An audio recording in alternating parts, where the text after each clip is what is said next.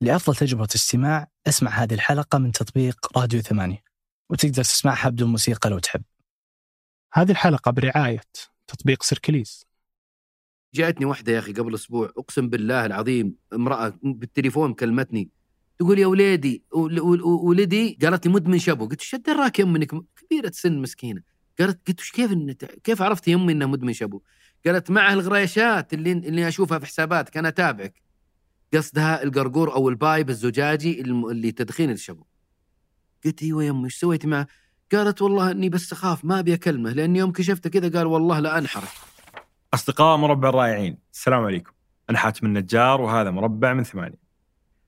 بعض اللقاءات من جمالها تخاف تظلمها بالمقدمة وهذا واحد من هذه اللقاءات.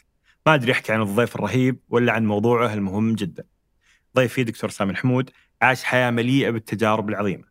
من بدايته كطفل يبيع في حراج بن قاسم مرورا بالتحاقه بالسلك العسكري ثم دخوله عالم مكافحة المخدرات مكافحة المخدرات عالم خفي ما نشوفه ولا نعرف عنه الكثير قد نرى القليل فقط مما هو أمام الكواليس، لكن ما الذي خلفه؟ يقول ضيفي إن كل الدول تتبع استراتيجيتين في مكافحة المخدرات. الهجوم بالمداهمات والتدخلات الأمنية و و وبالدفاع بالوقاية والتوعية والعلاج. أما ضيفي دكتور سامي فمارس الاثنين هجوما ودفاعا. من عمله الامني ومداهماته المروجين والاشتباك معهم وقصص عديدة عاشها في هذا المجال إلى عمله الوقائي والعلاجي في عيادته الآن بعد تقاعد وبثوثها في التيك توك. ضيفي دكتور سامي ليس جديدا على الإعلام، فقد كان الوجه الأشهر على قناة المجد ثم قناة السعودية في برامج شهيرة نعرفها جميعا مثل الجانب المظلم وملفات التحقيق وغيرها. سيرته الثرية هذه وقصص عديدة عاشها وعن قضيته الكبرى الإدمان. كيف نفهم الإدمان؟ وكيف نتعامل معه؟ يلهمني دكتور سامي جدا في نشاطه بعد التقاعد فهو أكثر انشغالا وانتاجا من أيام عمله وسولفنا أيضا عن هذا الجانب. أتمنى انه يعجبكم هذا اللقاء استمتعوا يا رفاق. أنت اللي في ملفات التحقيق؟ ها؟ أنت اللي في ملفات التحقيق؟ الله الله حياك أي خدمة؟ هذا هذا أكثر سؤال يستفزك في البثوث. أنت اللي في الجانب المظلم. أنت آه. اللي في ملفات تحقيق. أنت إيه. اللي يا الله. تدري ناس ما يعرفون اسمي. ما يعرف سامي محمود. يقول الجانب المظلم. إنه أول برنامج خرجت فيه القنوات الفضائية. أنا مسبب لي معاناة الجانب المظلم. فإذا أنا معه أقول له الجانب المظلم ولع النور يا أخي يصير نور بدل الظلام. فأنا مرتبط ببرامجي كثير. برامج معطتني يمكن حضور عند الناس وهذا شيء طيب الناس يعرفونك بشيء طيب في برنامج كويس بس يزعجك إنك إنك تقوله في مرحلة سابقة. والله شوف شخصيا قد لكنه إذا تذكرت إنه والله شيء آه، أنت قدمته إنجاز لك فما يفرق معي إن إن الناس يعرفونك باسمك ولا بإنجازك هو إنجاز كبير صراحة اتذكر أيام ال- بدايات قناة المجد الفضائية وهي أول ظهور لي في الإعلام قبل بنفات تغيير التلفزيون السعودي وغيره أنا كل قناة تفتح لي الباب أدخل معها. ماني يعني ماني ماني يعني في قناة معينة يعني مصنف فيها أو موظف فيها. اني كنت أصلا موظف حكومي. فلما جو فتحوا لنا الباب وظهرنا بفكرة فيها أكشن فيها قو... ساحر يا رجل وسرق ما قد سبق يعني في الشاشة العربية قليل اللي نطرح يعني. كانوا الناس يجون يقولون للشركة ركب لي الريسيفر اليوم حق مجد بكرة يا أخي الجانب مظلم. فأنا أنبسط يا أخي. الناس جاي يقول لي القناه يقول يا أخي الناس جايين مقلقين قبل يوم السبت كان السبت في الليل البرنامج. يوم الجمعة المكاتب تقول لك والله الناس يقول لك إلا تركب لي اليوم عشان بشوف الجانب المظلم بكرة. فشيء جميل إنك تقدم شيء فعلا يستحق. أنا مقل من البرامج لكن يعني الحمد لله عندي برامج محدودة يمكن في القناة السعودية وفي مجد وفي بعض القنوات فقط مشاركات لكن اعتز إنها كانت برامج دسمة شوي فيها أكشن فيها شيء بوليسي جميل طبعا آه، يعني أنت أنت من الأشخاص اللي أقول أتوقع لو أقول لك من هو سامي الحمود ما بتقدر تعرف نفسك بسرعة لأنه ما شاء الله عندك تنوع جدا جدا إيه. كبير يعني حتى في الدراسة ثم الدراسات آه، سويت كذا تغيير كبير ثم صحيح. البرامج ثم العمل كعسكري ثم ال... إلى الآن قاعد تسوي تيك توك وأنت متقاعد فما شاء الله عندك مراحل يعني كثيرة. ودنا من جد من جد نسولف فيها بهذا اللقاء. فحكيني عن حراج بن قاسم. حراج بن قاسم حراج تباع فيه الخردوات في جنوب مدينة الرياض معروف أصلا من تاريخ مدينة الرياض. ليش أنا أقول سبحان الله العظيم أحيانا ما يحتقر إنسان تاريخه مهما كان بساطته، أنا إنسان تقول لي دكتور وأنا والله هذه الأمور هذه ما تهمني كثير أكثر ما يهمك انه ما تقدم ما تحمله أنت. ما لا ما تحمل تعلقه من شهادات، زين؟ في حراج بن قاسم كانت بدايتي في الطفولة، أنا ما أحب في السير برامج السير إنه والله ورحت وتخرجت في اليوم الفلاني في الساعة الفلانية وما أدري وفي. الناس ما ي... في البرنامج هذا وفي غيرنا من البرامج ما يحبون الأشياء اللي تتعلق أنت ترى أنها مهمة الناس ما تهمهم كثير. دروس الحياة وتحولات الحياة هي اللي تهمك كثير. أول درس حقيقه في تحولات حياتي في الطفولة مرضى حاج بن قاسم كنت أبيع مع الوالد. ليس عيبا إنك تكون في حياة بسيطة. في السبعينات الميلادية كانت طفولتي. يعني بداية يعني مواليد مواليد 90 آه، تقريبا 71 ميلادي. اي نعم 71 ميلادي. في السبعينات في بداية في- أواسط أو نهاية السبعينات كنت أبيع مع الوالد في لما من الصغر من, من الابتدائي. كنا نبيع ما هب ودب. نبيع عود خشب هذا البخور نبيع زعفران نبيع آه، دهن العود نبيع آه، مفكات نبيع وقت الدراسة أدوات مكتبية دفاتر ونشيل ونحط نبيع عطور نبيع كل تعرف الحراج سوق ما ت- ما له ما له حكم. بداية ال- البيع مع الوالد يعني إلى أن دخلت الكلية الأمنية وأنا بصير ضابط وأنا أبيع مع الوالد ليس عيبا.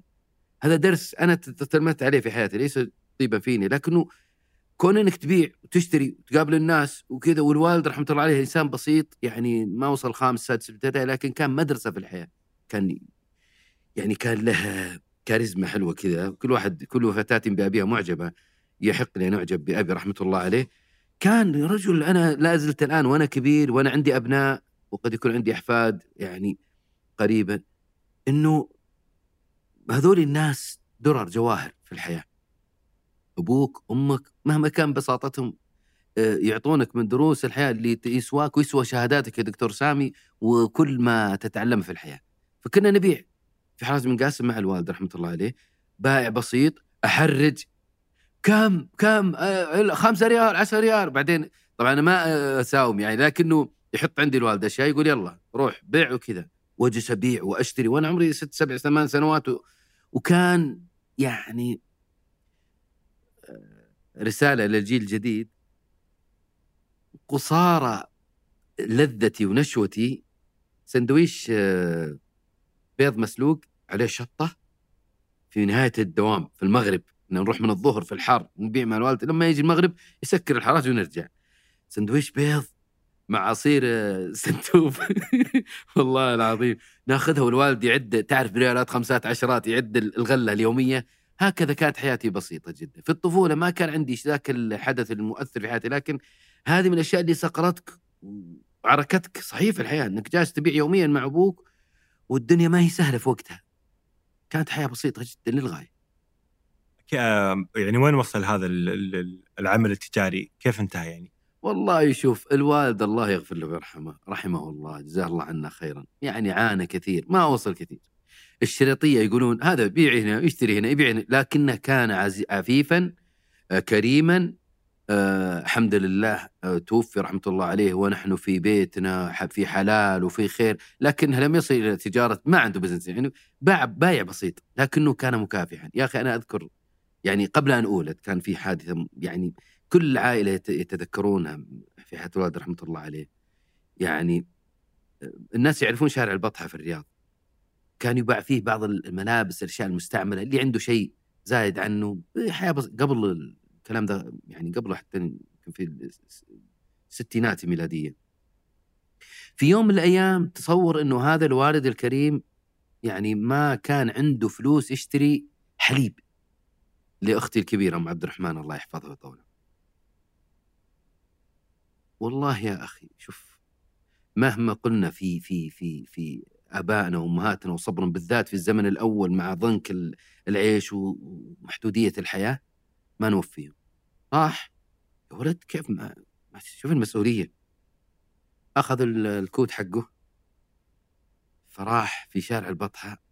يبيعه بمبلغ زهيد يروح يشتري حليب يرجع للبيت ويعطي يشتري حليب لأختي. فقلت أنا فباع الكوت حيث الجيب خالي ليشتري ليشتري الحليب لنا فأمسى بجو بجوف القر منتفض الوصال في قصيدة أنا ما أذكرها الآن قلتها في الوالد رحمة الله عليه يغذوا لي المعادن من ذهب قاسوا من العيش الشيء العجيب. وقاس الوالد والوالدة رحمة الله عليه معي شيء في الطفولة يمكن أبرز حدث مر علي في الطفولة. أنت كم عندك من أصبع يا أستاذ حاتم؟ في رجولك عندي عندي 10 في رجولي 10 رجول أنا عندي ثمانية. بعض الناس ما يعرفون هذا. وعانيت منه معاناة نفسية. هذا درس ونقطه تحول يعني أتذكرها اليوم. أقول سبحان الله العظيم كيف الله قدر عليك هذا؟ لحكمة يريدها الله سبحانه وتعالى. لا ابدا عادي جدا. كيف. كيف فقدت رجولي؟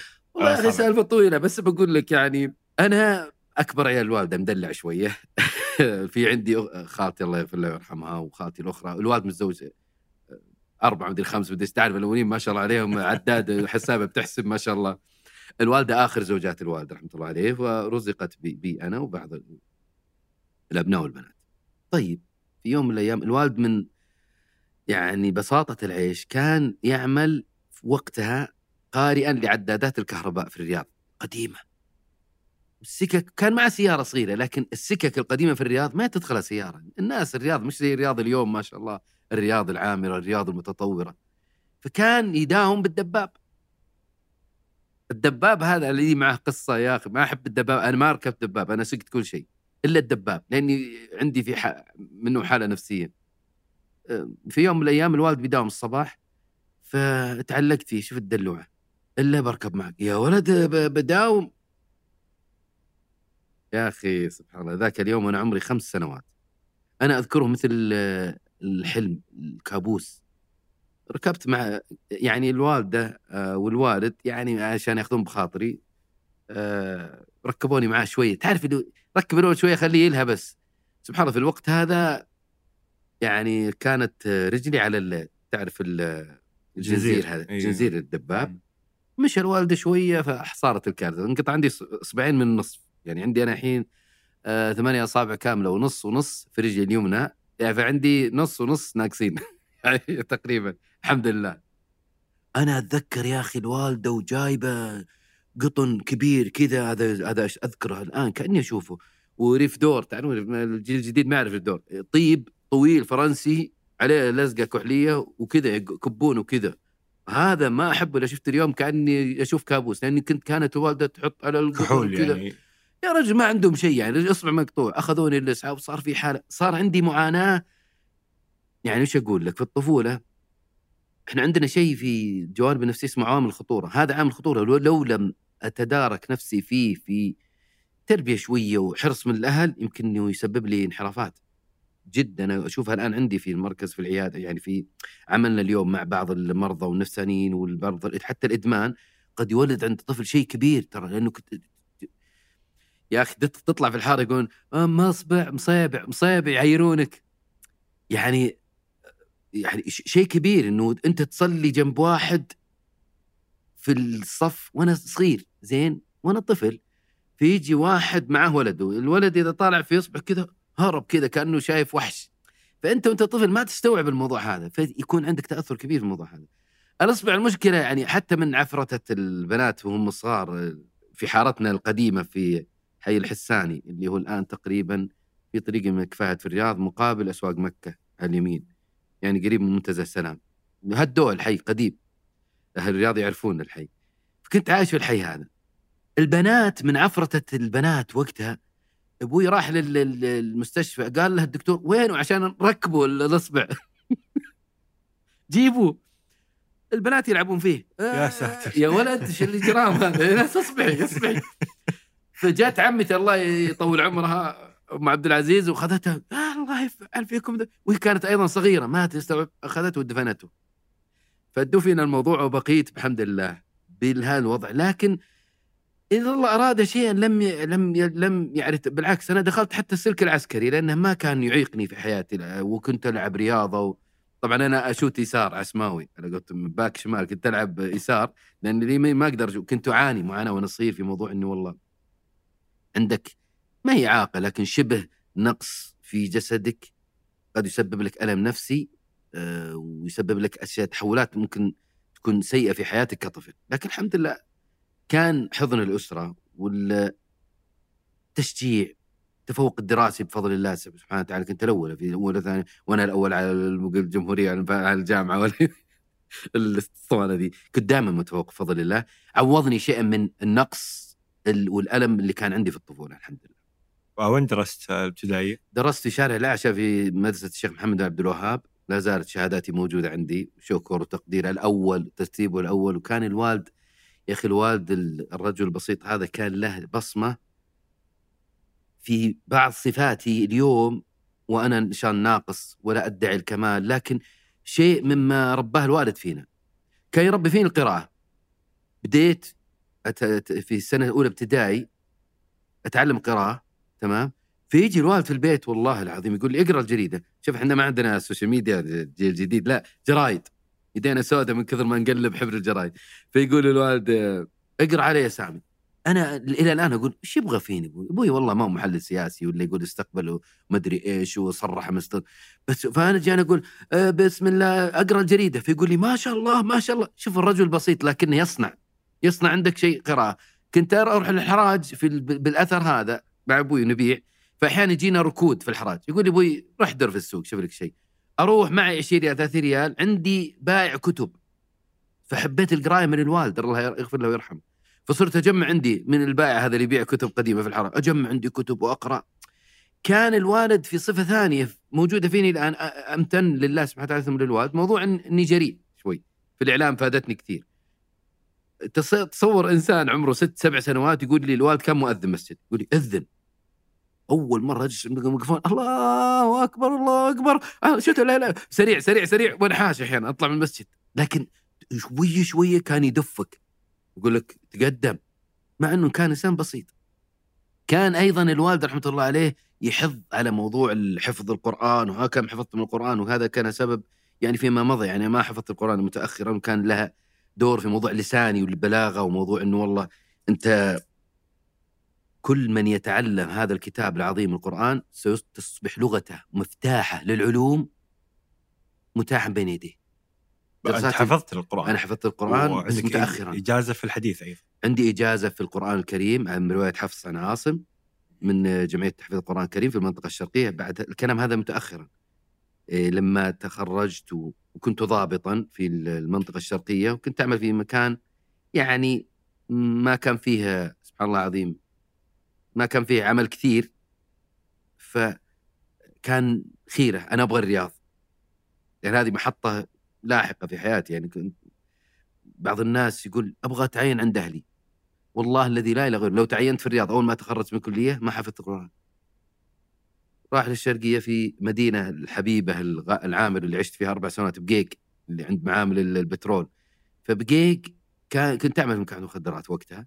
وعندي وقت متسع لأنها مدينة صغيرة جدا عندنا عمليات في مكان المخدرات لكن هذا طره موضوع التحفيظ أنه ما شاء الله بديت وصار عندي وقت وكان صراحة اللي يعني أثر في لغتي وكلامي مع الناس وتعلمي أنا في دراساتي الجامعية الأربع موضوع القرآن صراحة يفتح لك أبواب لغة عامرة يعني و... ويفتح لك أبواب في حياتك. فكان يعني الوالد رحمة الله عليه أنا دائما أقول سبحان الله أنا بفضل الله سبحانه وتعالى كل ما من بنا من خير فمنها الوالد والوالدة الله يطول عمرها. أنا مكس الوالد حار. خلينا نطلع عن جانب العلم شوي. الوالد حار تقول له شيء يعطيك إياه على راسك. رحمة الله عليه. هذه طبيعته. والوالدة برد وسلام. حليمة تتحمل. يعني ممكن يعني أنا أجيب شيء البيت الوالدة الآن الآن الله يمسيها بالخير. فتقول ليش؟ تقولون سامي يجيب خضار ويجيب أشياء. يا ماما يا أمي. قالت لا ما نبغى نكلف عليك. فعنده نوع من المراعاة للمشاعر والحياء فأنا ميكس بين هذا هذا حار فإذا طلعت الحرارة على عيالي قلت هذا عرق أبوي نبط فإذا قال صرنا تحملنا وبالذات عملنا الجديد يبغالك تهدى وتحلم وتتسع صدرك هذا سعة صدر الوالدة. يعني عندها نوع من الحلم والأناة والتحمل والصبر يعني ما تعلمناه منها في طيلة عمرها الله يطول. الله يحفظها ويرحم من مات. آه كيف ليه دخلت العسكرية؟ عسكرية لها قصة أنا ما كنت أتصور في يوم من الأيام أني أكون عسكري. بالعكس العسكرية ميدان شرف وعز وطننا والله العظيم. أنا ما ندمت طبعا لكن ما كان ميولي أنا. أنا كان ميولي تدري وش يا أستاذ حاتم؟ حاسب. والله عام 1000 على ذاك الوقت حاسب؟ إي وقتها إي وقتها الكلام ده قبل 33 سنة. كان صخر وش كان تخرجت. أيوه حبيب قلبي أنت والله أنا عندي دورة إلى الآن شهادتها موجودة. صخر. صخر. وبعدين على اسمه شركة صخر الآن بسوي لها دعاية لأنها انقرضت أصلا ما عاد موجودة. أول كمبيوتر عرفناه كمبيوتر صخر. بعدين تمشي كذا تقول طوخ طوخ كأنه الآلة الحاسبة حقت ال- الآلة الكاتبة حقت الأولين. فأنا غاوي من أيام الثانوي أطلع في المساء وأخذ لي دورة. يا أخي الحاسب والتقنية والحاسوب. وكان عندنا واحد أستاذ مصري في الثانوية يقول الكمبيوتر اعمله كذا من الصعيد. أستاذ فاضل حببني والله في في في الحاسب. ألو... ال... ال... البروسيسور اللي ما أدري إيه جدع زين علم يعني صرنا نحب الحاسب هذا. فرحت قدمت على كلية آه، الحاسب جامعة الملك سعود. قبلت الحمد لله. جوني شباب سبحان الله. قالوا قدم على الكلية الأمنية. شلون كان قالوا عظ- ضابط عسكري يعني ما في ال... ما أميل لله الأمر. ما ما ما هو مو مو شغفي حنا أربعة. قدمنا كلنا. هم رفضوا ما قبل إلا أنا. شوف الله يختار لك شيء. دخلنا يا أخي العسكرية تقريبا قبل 33 سنة من الآن. يا أخي آه، شيء عجيب.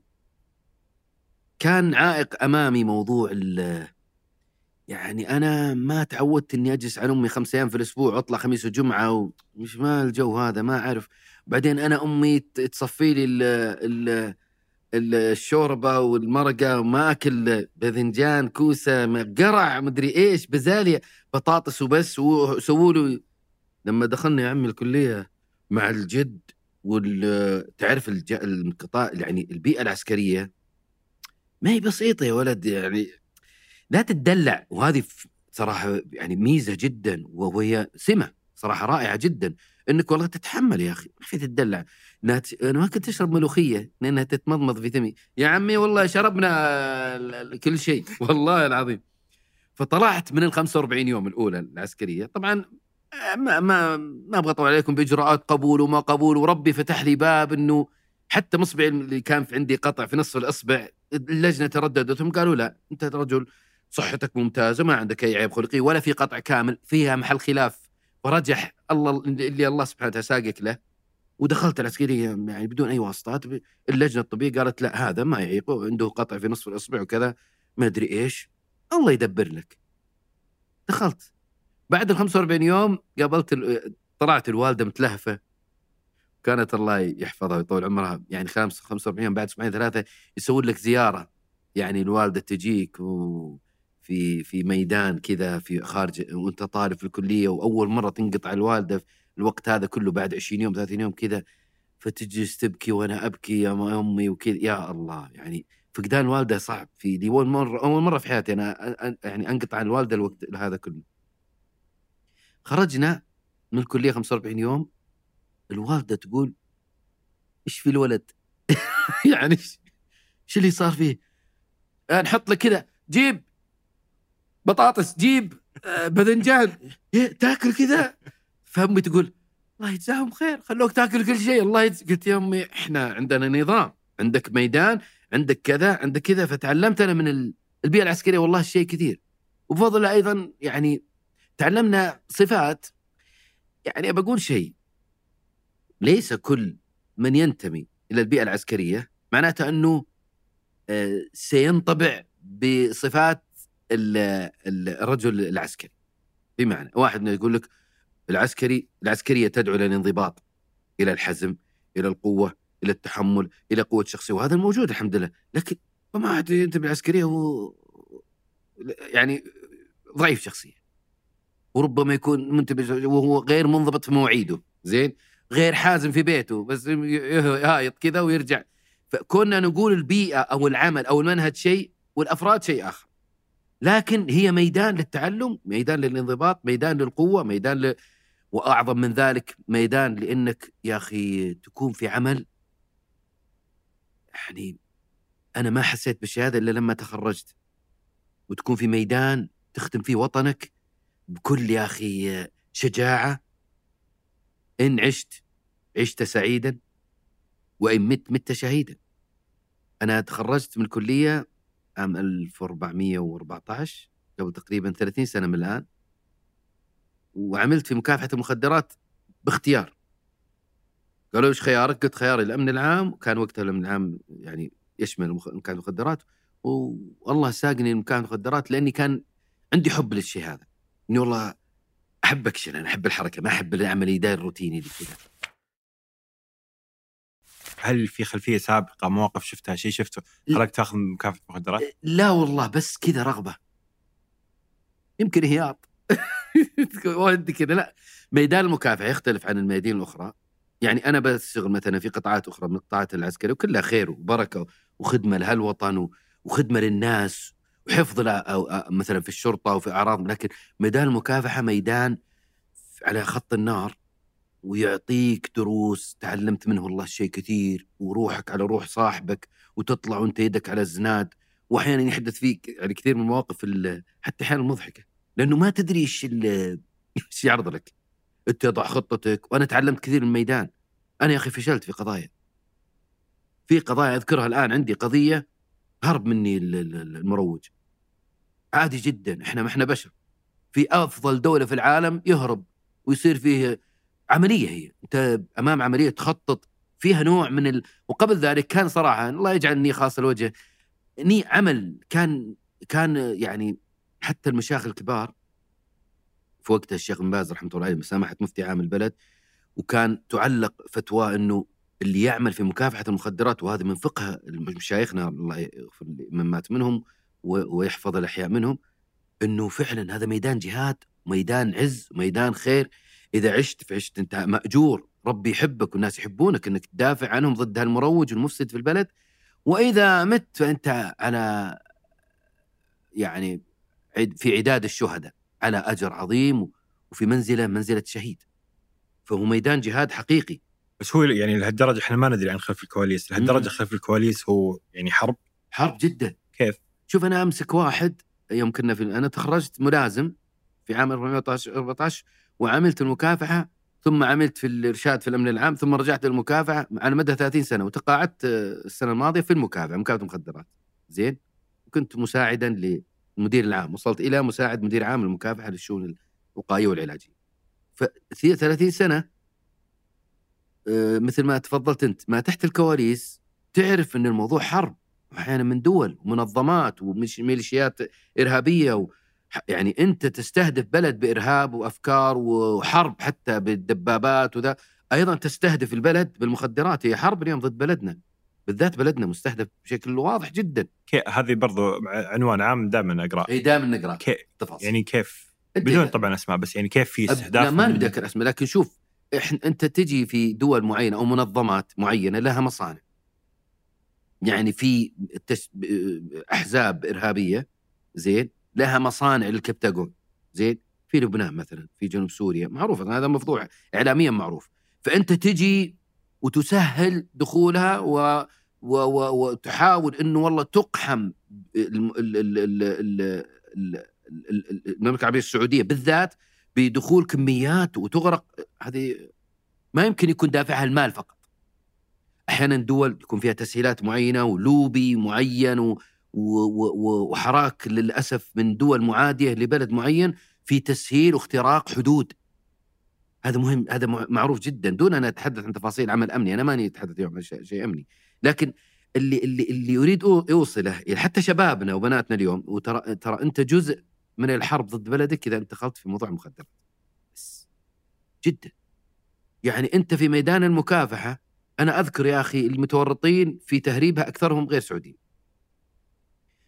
المتورطين في بيعها داخل المملكة أكثرهم سعوديين مغرر فيهم وفيه غير سعودي تمام؟ هذا بايع نفسه. ليش إن نقول ميدان المكافحه خطير جدا؟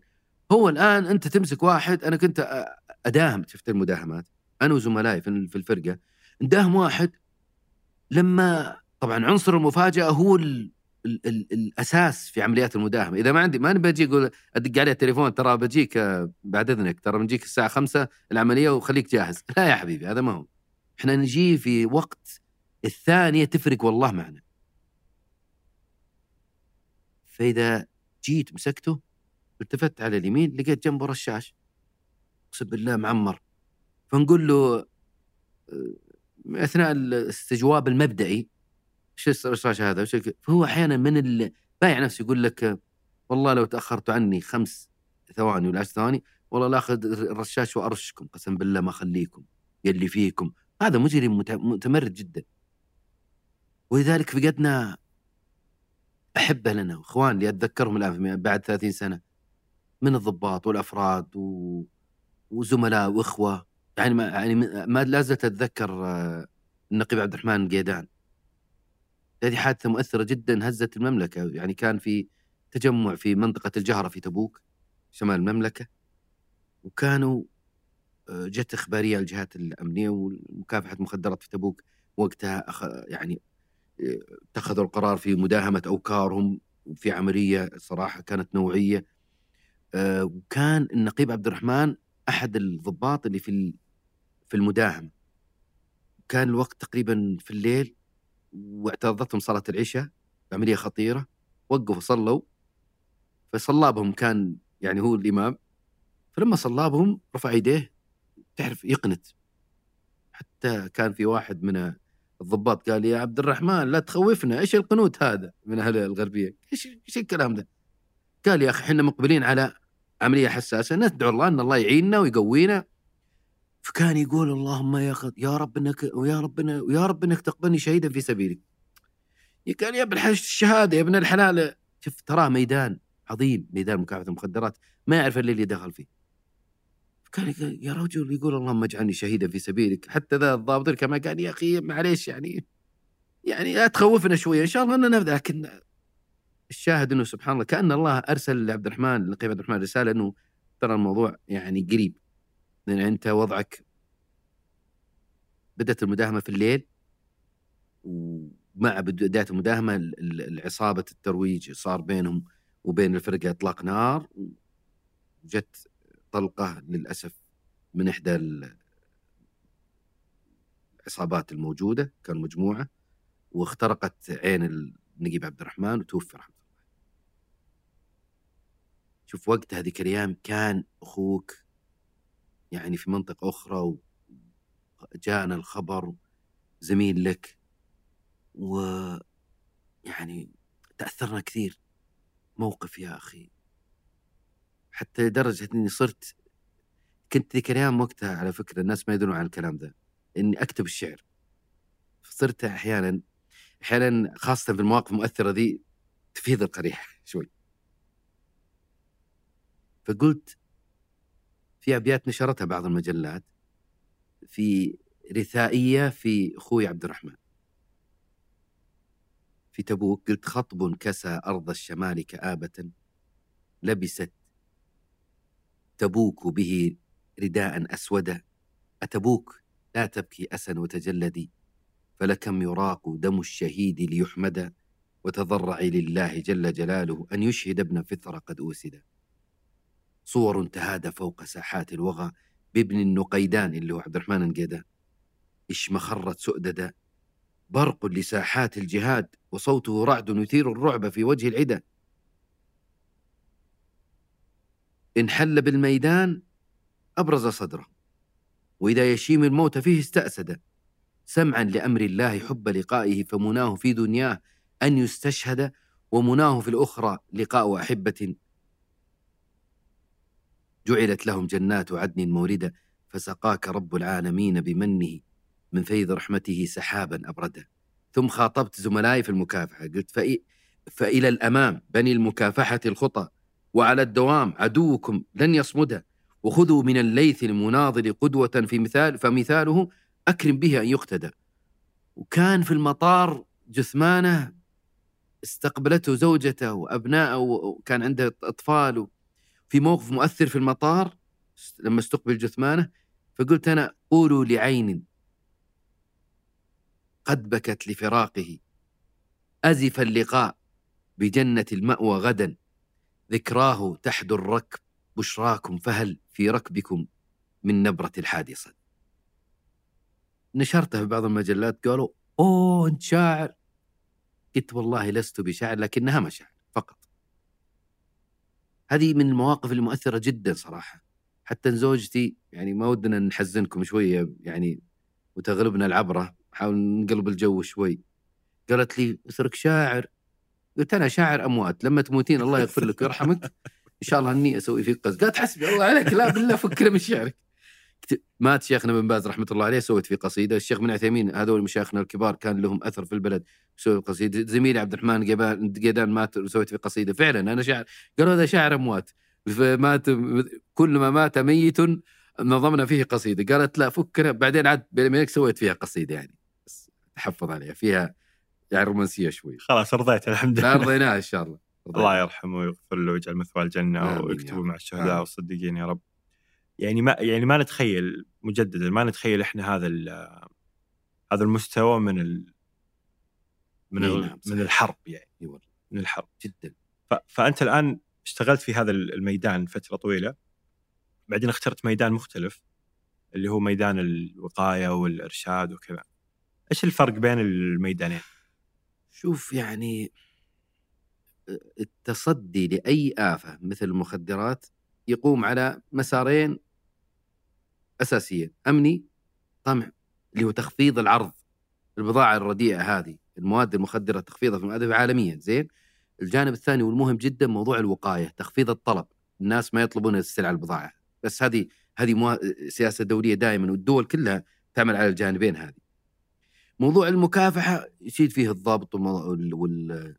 والمداهمات اللي كنا نتكلم لكم عنها. وموضوع الوقاية ما يخ... ما يقل اهميه عني اللي هو موضوع إني أنا كيف أنا أوصل للشريحة المستخدمة للمواد المخدرة وأرفع الوعي عندها وأسلحها بالمهارات اليوم مهارات الحياتية وهي أهم من موضوع النظري إنه إحنا تعودنا يا أستاذ حاتم إنه المخدرات وأضرارها والحشيش واضراره والشب واضراره وشب وأعراض هذه مهمة كتثقيف لكن الأهم منها إني أسلح المجتمع والناشئة والشباب والبنات وال ال ال ال ال ال ال الأسرة بشكل عام تعمل على موضوع التسليح بالمهارات الحياتية. هذا أمر مهم جدا.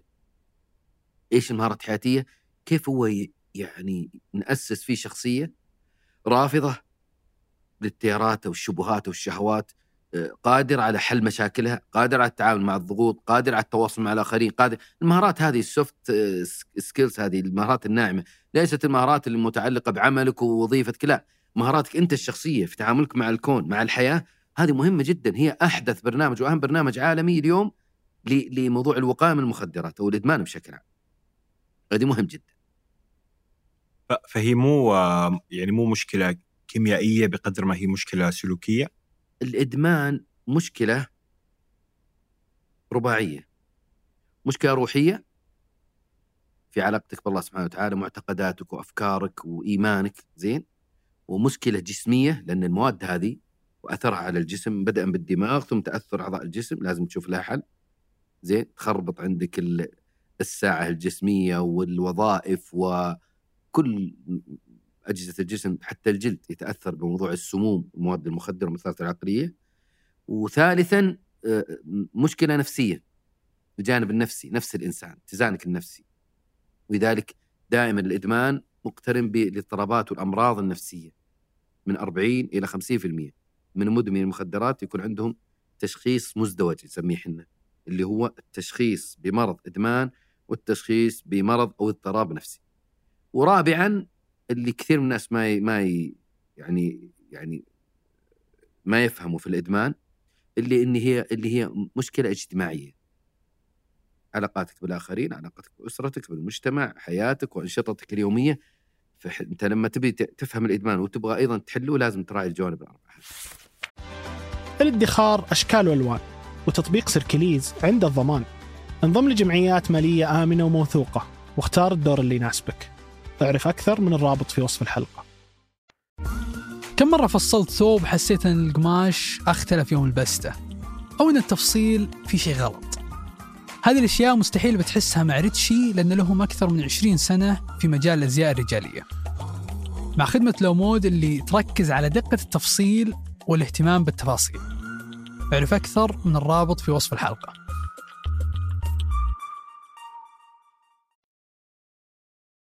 بدأت في المجد وبنجي للأدمان طبعا بتوسع يعني. بس ودي ودي أفهم وصولك لهالمرحلة يعني. فكيف أنا أشوفك ابتسمت ابتسامة واسعة لما قلنا بجد في المجد. أنا أذكر وأنا قدام الكاميرات. أنا أحب ال... الأكشن زين وأحب الإعلام.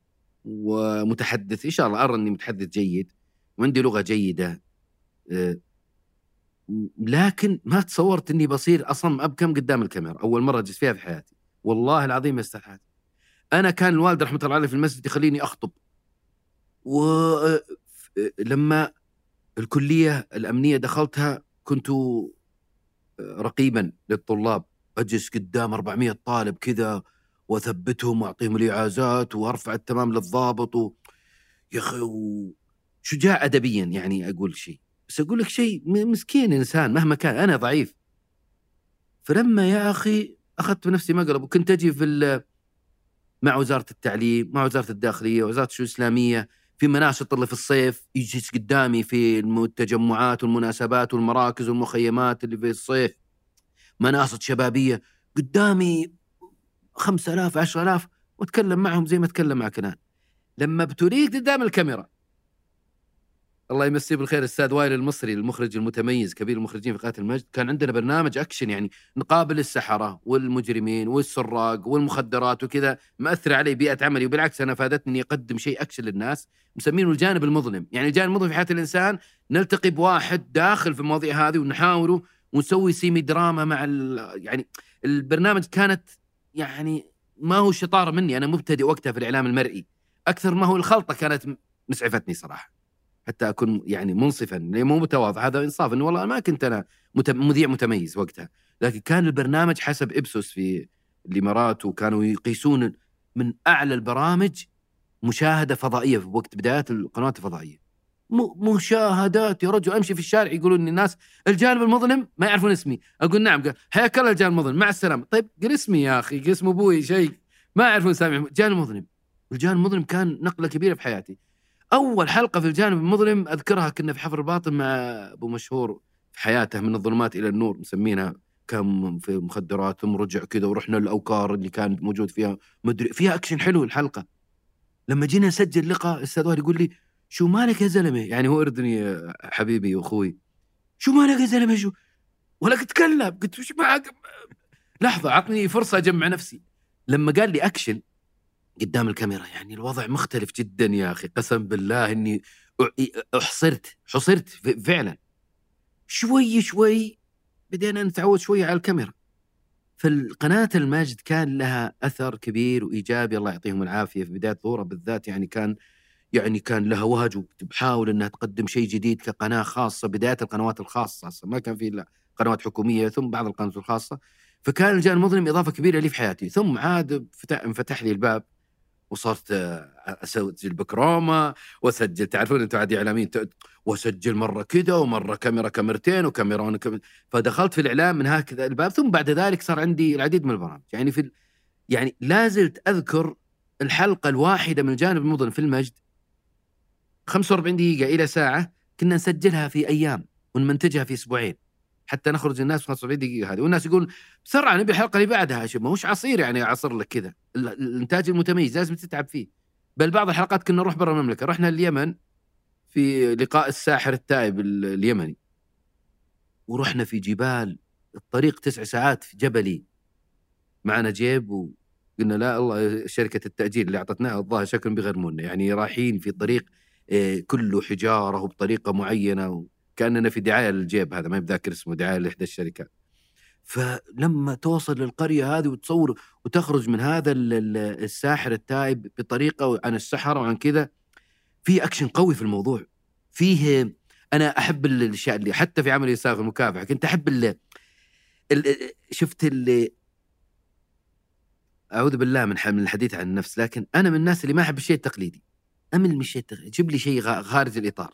أحب أفكر خارج الصندوق. حتى في المكافحه أتذكر شو برجعك الميدان لأن تذكرت سالفة حلوة. في يوم من الأيام كان عندنا مروج يا أخي عجزنا فيه. لبست الشباب سوداني لبستهم مصري لبستهم باكستاني. عندي واحد شعره حلو كذا وكأنه باكستاني. تنكرنا عجزنا. الولد مروج مخدرات حذر جدا. وبيته ضيق يعني زقاق يعني على قولتكم. ضيق جدا ما نقدر نجي بفرقه كذا والرجل حذر. فكانت الخطة أنا لما كنت كنت أبدع في الموضوع إنه خلاص شوف أنا معي سلاحي زين الشخصي ومعي واحد مسلح مع رشاش ومعنا واحد مع ذا كنت أبغى أخترع شيء جيت عند دراسي طبعا بقول لك إيش صار قلت سكروا عليه في الشنطة زين وروح أنا في الشنطة والله والمشكلة السيارة لانسر صغيرة مستأجرة. والله العظيم حالتنا حالة لا زلت أذكرها الموقف هذا أه، أنا واللي معاه ال- الرشاش الزميل الش- الشخص هذا المسلح معاي جالسين في الشنطة أه، على أساس إنه خلاص اتفقنا مع الهدف إنه والله يعني آه، يتم العملية ما أقدر أنا أمسكه إلا متلبس أنا أبغى أصيده ما يفلت بكرة من نيابة ولا. فلما تتم العملية تنفتح الشنطة بطريقة معينة في خطة يعني ما بقايل الخطة لأنه ما مو لازم نقول لكم خطة امنيه لكن هذه بشكل عام هذه الخطة. المشكلة جينا قريب من الحي في مكان مناسب قلت يلا يا شباب جاهزين وزعت الفرقة اللي يعني بت بتكون على مدى ثواني توصل عندنا. بس يهمنا اللحظة الأولى لا يسكر الإنسان هذا الباب ولا لا تتخربط عينه. عندنا معايير معينة أن نصل للهدف بطريقة بعدين التعزيز بيجوني. لكن أنا الخط الأول في داخل السيارة. لما. يعني بدينا قربنا من المكان في مكان مناسب يعني تعرف النفس ما ودنا نطول. دخلت ال... قلت يلا يا فلان حاضر قال جاهز يا أبو خالد. قلت يلا. يلا بسم الله توكلنا على الله. ركبت في الشنطة سكرنا على سيبه. لما سكرنا الشنطة علي ما عاد أشوف أنا. الأخ جزاه الله خير مدخن. ماخذ له سيجاره قبل ما يدخل جاي على أساس يمخمخ. فلما دخلت أنا فيني حساسية في الأنف. ضد الدخان والزرع. أذكر مدري كان عندي وقتها حتى الطباشير حق الاولي مدارس كان عندي منه حساسيه فلما دخلت انكتمت. أقول له فلان إيش فيك؟ وحنا داخل قال دخن. قال والله توني مدخن يا أبو خالد داخل لي سيجار قلت له وقتها المهم مشت الأمور. كويس اللي ما طال الوقت ووقفت السيارة حتى تمت الحمد لله العملية. بفضل الله تعالى بفضل الله انفتحت الشم لما الإشارة إنه لما تنفتح معناته الرجال لأنه أحيانا البياع مجرم يماطل لا أصبر أشوف لا ما عندي شيء ما لما تمم العملية وفتحت الشنطة ما وعه إلا وأنا على رأسه وماسكينه بفضل الله. طبعا الحركة هذه كان لها صدى. المكافحة يجونكم! صار لها صدى أمني قوي قوي في المدينة الصغيرة اللي كنا نعمل فيها. يا رجل! قال ترى والله يجونك من فوق من داخل السيارة. هذا أمر مهم جدا. فموضوع إنك تفكر خارج الصندوق مهم جدا. كنا نفكر في. نعود للجانب المظلم. نفكر بشيء مو أي شيء. أنا مو أي برنامج. أنا مش برنامج حواري. أجيب أي واحد ضيف يتكلم معه. فكنا نروح للسجون. نروح للدار الملاحظة الاجتماعية لبعض الصغار في طرا... في نروح للمستشفيات الأمل. نروح ناخذ الناس اللي كان لهم آه يعني تجارب في الجانب المظلم ونقدم خلالهم قصة أكشن ونعيد تمثيلها. الحمد لله البرنامج قدم ثلاث مواسم ثم انتقلت إلى التلفزيون السعودي الموقر تلفزيون الوطن وقدمت فيه الحمد لله بفضل الله. الآن لا زالت مشاهداتها بالمليونية في في قناة التلفزيون في اليوتيوب اللي هي ملفات التحقيق. وبرضه نفس الجو. طاخ طيخ أكشن. أنا أحب الجو هذا. إيش تذكر من ملفات التحقيق؟ يعني إحنا ناخذها من الشرط والله يعطيهم العافية وزارة الداخلية كانوا وقتها يعني مفرين لنا يعني إحنا ما عندنا عندنا ضوابط صارمة جدا ما عندنا أي إفشاء المعلومات مثلا ولا خصوصيات ناس لا. أنا أجيب القضية مجرده عن الأسماء مجرده عن الأشياء الأمنية اللي لا يج... لا يحسن ظهورها وهذه تعرف لعبتي أنا خبرتي في الجانب هذا الجانب الأمني أنا خبير فيه. زين؟ وأسلمها للسيناريست نعد نعمل ورشة كتابة نكتب القضية. بداية الحلقة نكتب فعلا إنها مأخوذة لأن مأخذين إحنا ملفات الت... هي فعلا برنامج قوته إنه مقتبس مثل البرامج الأجنبية اليوم اللي هي من مقتبس من قصة ملفات بوليسية حقيقية ونقدمها في حلقة أكشن فيها دراما شاركني فيها نجوم يعني عبد الكريم الطراس حسامي حازم مجموعة أذكرهم يعني كم من ممثلين سعوديين. كان عمل درامي لكنه يعني docudrama يعني وثائقي درامي هذا الجونا فيه. أه قدمنا في 20 حلقة ولعله نقول لعله لأن الحين ساعين لأنه يكون في جزء ثاني لعله إن شاء الله مع التلفزيون ساعين في الموضوع هذا ونحاول إن شاء الله نجد لنا فرصة أنه لأنه الجزء الأول الحمد لله محقق مشاهدات عالية و... وعليه طلب فأنا الآن بعد التقاعد ممكن إني أتفضل اني وفي مطالبات كثيرة من الناس يعني مثل ما تفضلت الناس يقول أنت اللي في ملفات التحقيق أنت اللي ملفات التحقيق. إي نعم أنا ملفات التحقيق. إي والله إني شايفك. الم- الموضوع فيه مشاهدة وفيه رسالة وطنية قوية وأرجو أنه يتاح له المجال في التلفزيون السعودي لأنه صراحة ما أخفيك إنه قدمنا الجزء الثاني رفض من إدارات سابقة ليست إدارة حالية تحفظ على رأيهم. ما كان عندهم توجه معين قالوا ما نبغاه. ليش؟ إيش سبب الرفض؟ والله ما أدري. ما أنا قلت لهم شوفوا بعيدا عن أي رأي أنا يحكمني عدد مشاهداتي رسالتي الوطنية والخطة التطويرية للبرنامج. حتى لو أنت تقول لي إنتاجي الأول اللي كان بميزانية بسيطة جدا ميزانيه برنامج ليس دراما المنتجين يعرفون الكلام هذا. أنا ما عاملوني مثل المسلسلات الدرامية مثل طاش وغيره ولا لا عاملوني كبرنامج فقط ميزانيه محدودة جدا وحاولنا عصرناها بطريقة معينة. إحنا قدمنا الجزء الثاني في إدارات سابقة في التلفزيون السعودي ما كان ما ما قبل للأسف. وأتقدر وجهة نظرهم كل إدارة لها أنا ما ما, ألزم الناس برأيي. اليوم أنا أمام عمل قدم يعني أنا آه، أرتب فيه قضايا جديدة وبرؤية تطويرية للعمل حتى الدراما اليوم. آه، نحاول نطلع فيها يعني اللي قدم قبل ست سبع سنوات لا يمكن الآن حتى في الكواليتي حتى مثل ما أنتم عارفين جودة التصوير ال- العمليات المونتاج الإنتاج وغيره بشكل عام. يمكن نقدم نسخة تليق بتلفزيوننا العزيز إن شاء الله. أنا مو بضغط عليهم وأنا أتكلم معك فيه لكن إن شاء الله ساعي إن العمل هذا يلقى القبول سواء في التلفزيون السعودي أو غيره إنه يقدم فيه جزء لكن عندي فيه الآن قضايا جاهزة. ممكن انها تقدم فيها رسالة وطنية ممتازة و... و... وممكن انها تقدم بشكل احترافي. بعد كل هذه السنوات وآلاف الساعات اللي انتجت كيف كيف تنظر للتجربة هذه بشكل عام؟ والله شوف أنا لست اعلاميا متفرغا. أنا حق شنطة تاجر شنطة على قولتهم. فتح لي واحد باب جيته. ماني موظف عند أحد. زين المجد فتحت ذيك الأيام قدمت عندهم جان مظلم. ثم التلفزيون السعودي الله يعطيهم العافية فتحوا لنا باب. قنوات أخرى الآن لا زلت أشارك في كل القنوات أشارك فيها مشاركات وليس برامج خاصة فيني.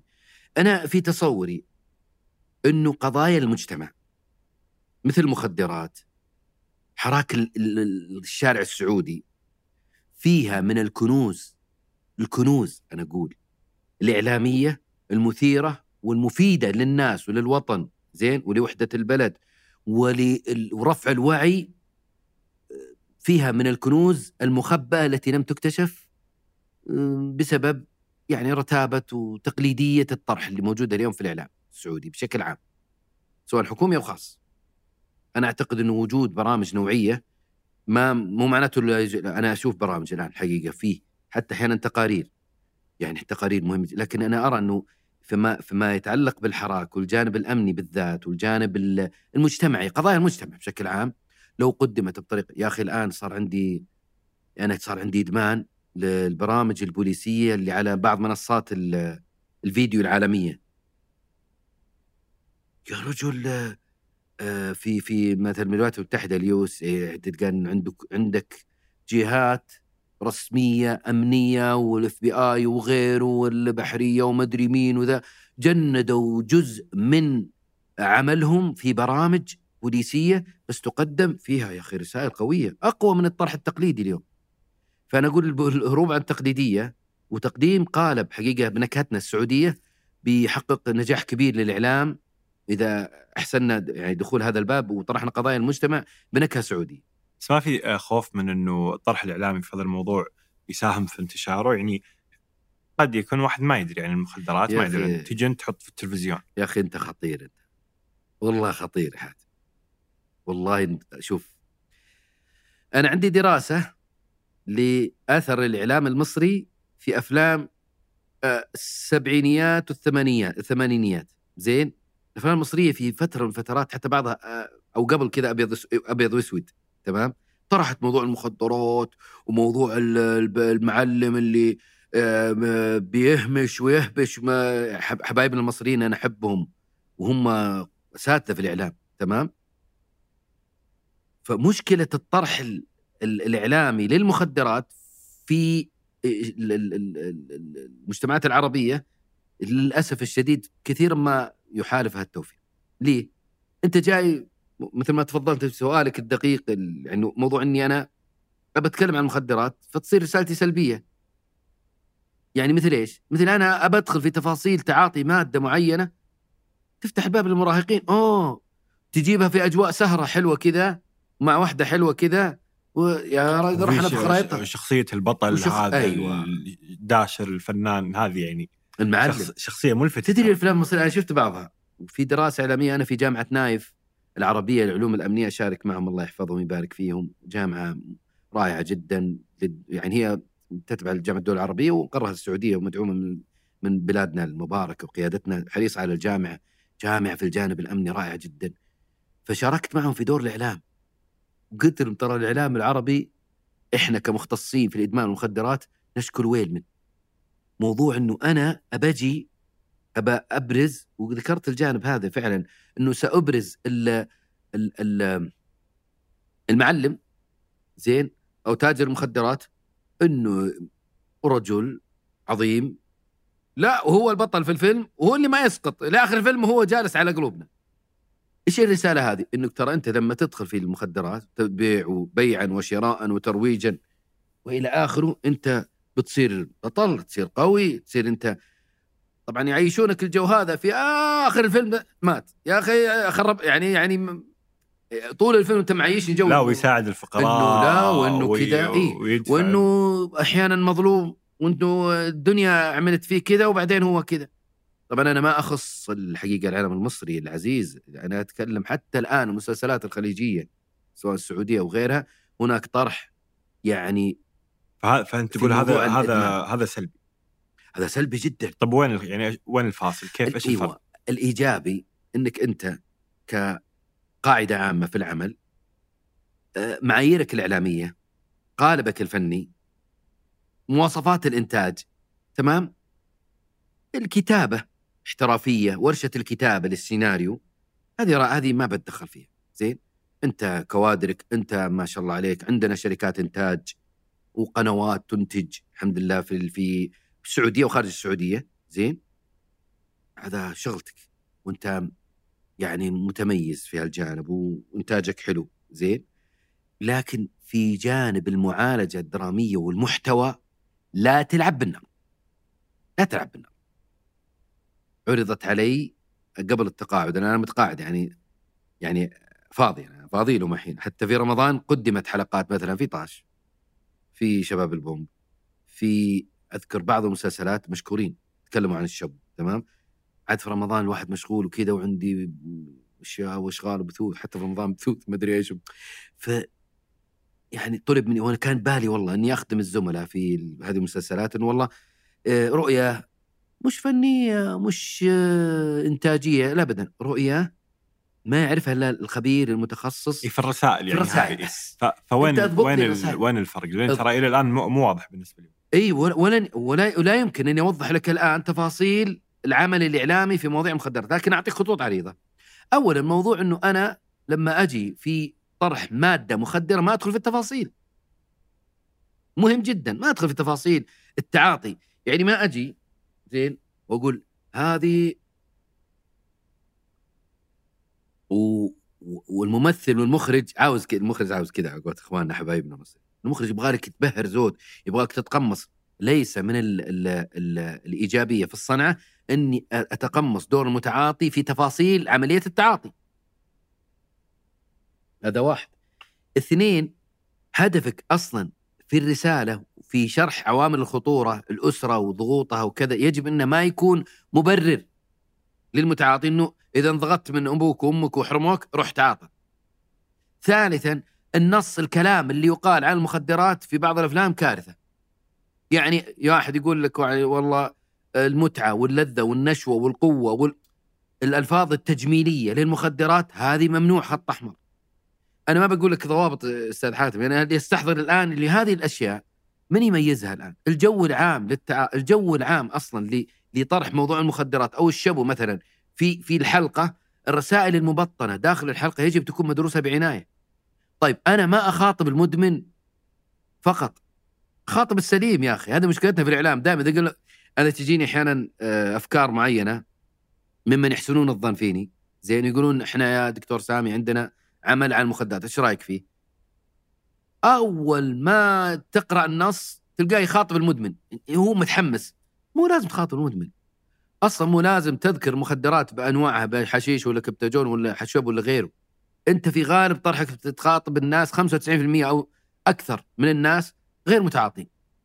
زين المتعاطي يكلم في البرامج العلاجية في آه، داخل المصحات في طرح خاص داخل السجون إصلاحيات هذول مدمنين من توجههم رسائل معينة. بل بعض الرسائل إذا أنت وجهت للمريض الإدمان نسميه إحنا مريض الإدمان. مو مجرم يعني آه، ابتداء حتى لكن لو ارتكب شيء مخالف يعاقب لكنه ابتداء هو تعلق بماده تورط فيها. زين؟ بعض الرسائل اللي في المجتمع السعودي اليوم ماني محدد جهات معينة أو مراكز معينة أو مؤسسات إعلامية معينة أو قنوات معينة لما يسمعها المدمن يعني مثل ال- السكاكين في صدره. مثل إيش الرسائل يعني ما ما نبغى نذكر أسماء طيب. بس مثل يعني الرسائل. تجي تقول لي أبنائك ضاعوا ومدري إيش وكذا والفقد والحرمان وأنت كذا أنت دافعك إنك والله تبغى الناس يكرهون المخدرات أنت مثلا تجي تقول له مثلا هذا خلاص وين نهاية الحياة وأنت خلاص انتهى أمرك بالمخدرات وأنت كذا تدري المريض إيش يقول؟ يقول إيه شفت كيف؟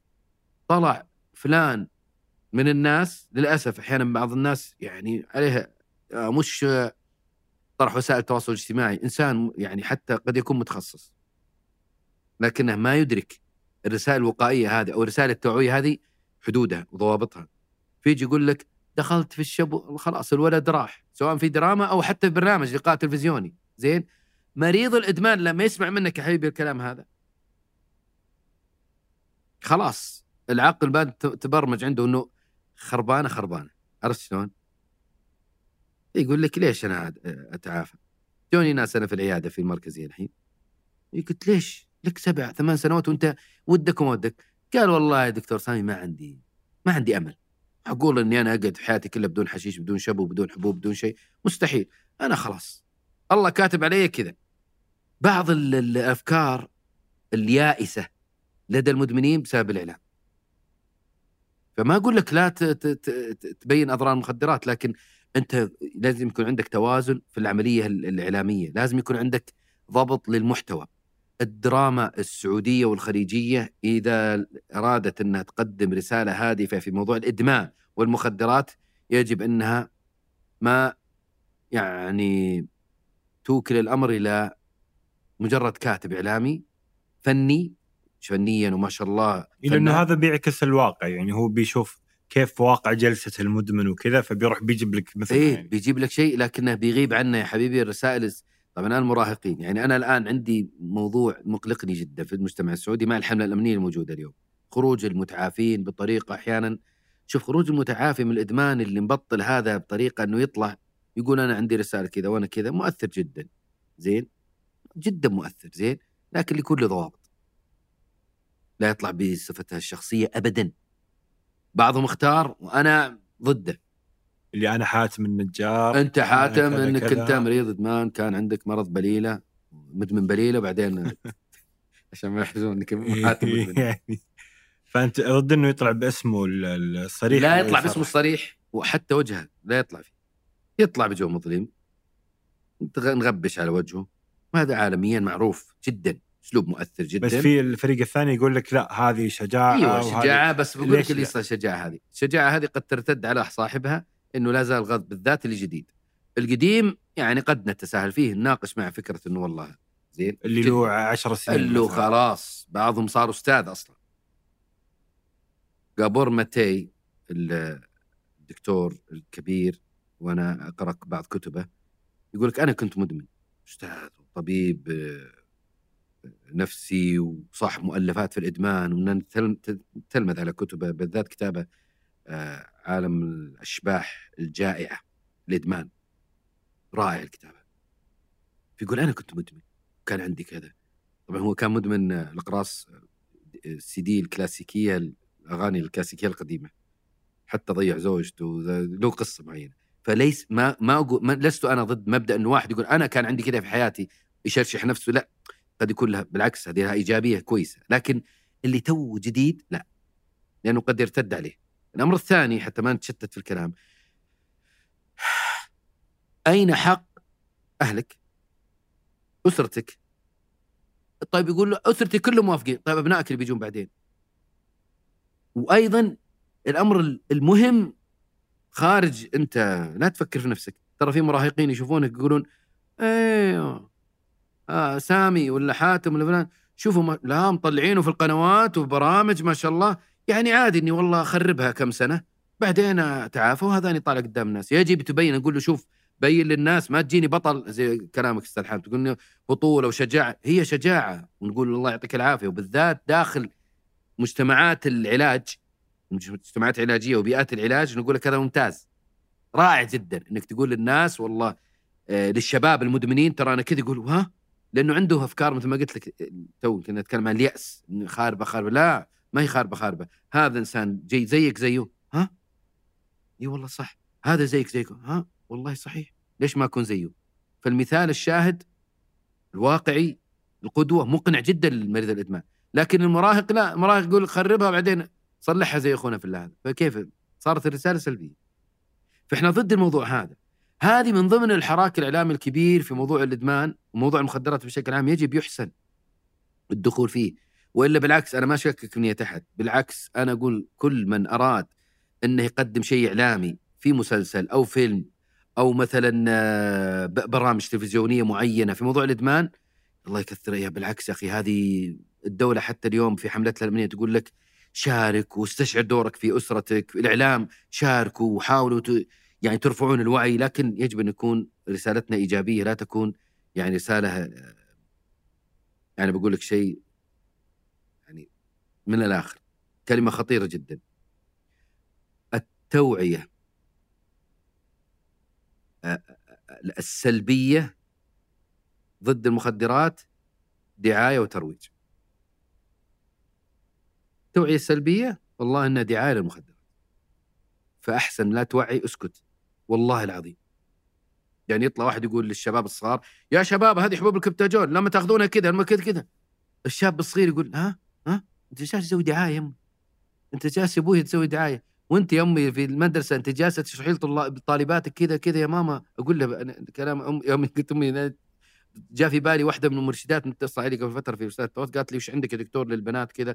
قلت لا تتكلمين مع البنات في المدرسة بالإدمان تكلمين مع الم... عن الوقاية عن إذا كبروا في الإث... يعني لما متوسط ثانوي يمكن نقول لهم في مواد معينة أضرارها كذا بطريقة لكن ليس كل شيء ما يقال يعني ما يعلم يقال ليس كل شيء نكبه في في في في في رؤوس ابنائنا وبنات في مسلسل أمريكي مشهور اسمه Breaking نعم. Bad نعم. يعني هو أشهر من إني أنا ابشر وكذا يعني. معروف؟ عن قصة اللي ما يعرف المسلسل باختصار. قصة معلم معلم في مدرسة كان بيموت بعدين اكتشف إنه هو كيميائي فيقدر يسوي مخدرات وكذا. فاكتشف إنه هذا حل يبغى يجيب فلوس لأهله إيه. على قولك إنه يعني يؤنسن صحيح. هذا. فيبغى فلوس لأهله شهرين قبل لا يموت فصار يصنع مخدرات وكذا. دائما أسمع إنه هذا المسلسل أثر بشكل كبير على شكل المخدرات في العالم. ومشكلة المسلسل إيش سوى هذا المسلسل؟ شوف أنا شفت حلقات منه.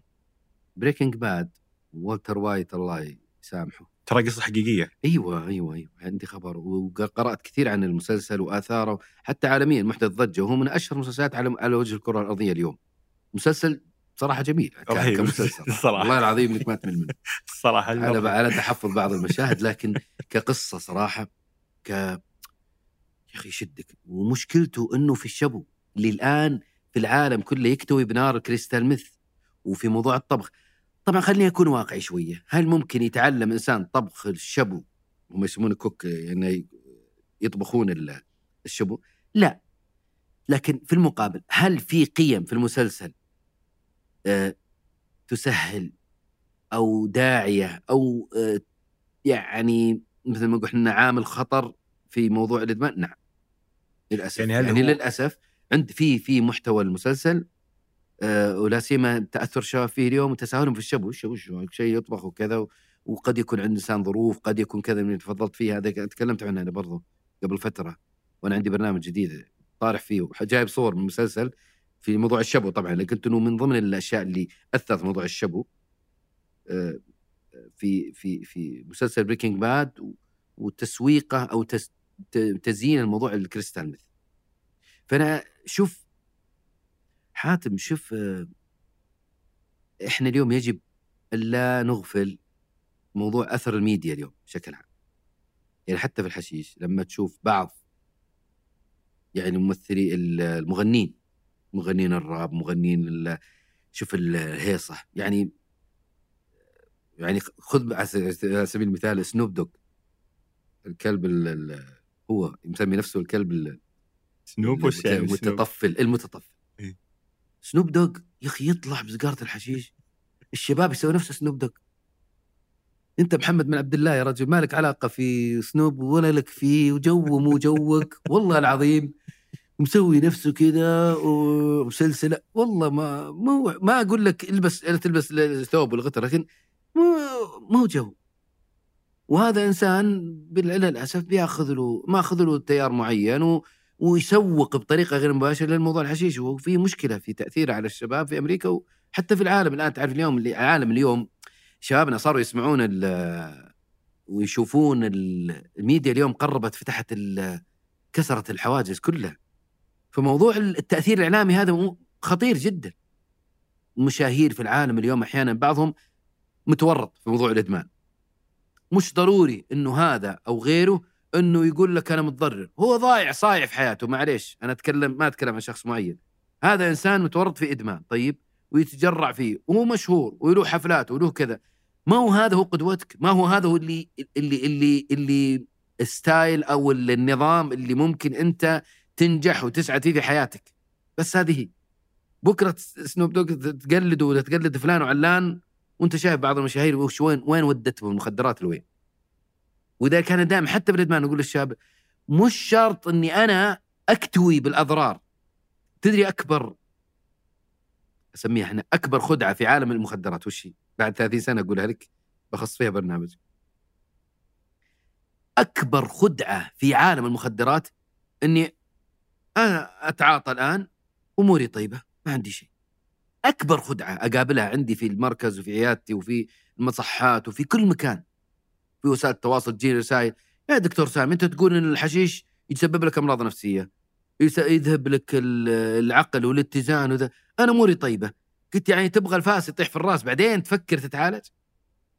المخدرات نحتها للجسم زي النحت. أنت ما تشعر فيه أنت ما تشعر فيه. حتى توصل درجة للعظم فتحس إن الوضع الآن بدينا نرمم بدينا نتعالج. لا تنتظر وقوع الفاس. لا تنتظر إنه والله يقبض عليك جنائيا تسقط آه، صحيا تنهار مقاومة الجسم. عندك مقاومة تسقط. لا تنتظر خلايا دماغك إنها تفلت. أنت اليوم مسيطر الحشيش بيعطيك أشياء معينة وأجواء زائفة وشيطانية معينة ويعزلك عن الناس مثلا لكنه في المقابل يأخذ منك أشياء ضريبتها دائما أقول للشباب.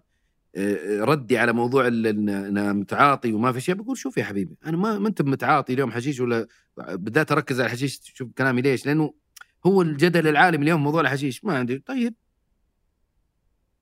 وأكثر امراض اعراض أضرار الحشيش نفسية وعقلية.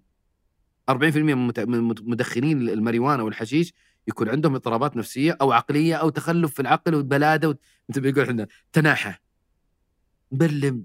معزول عن العالم صح ولا لا؟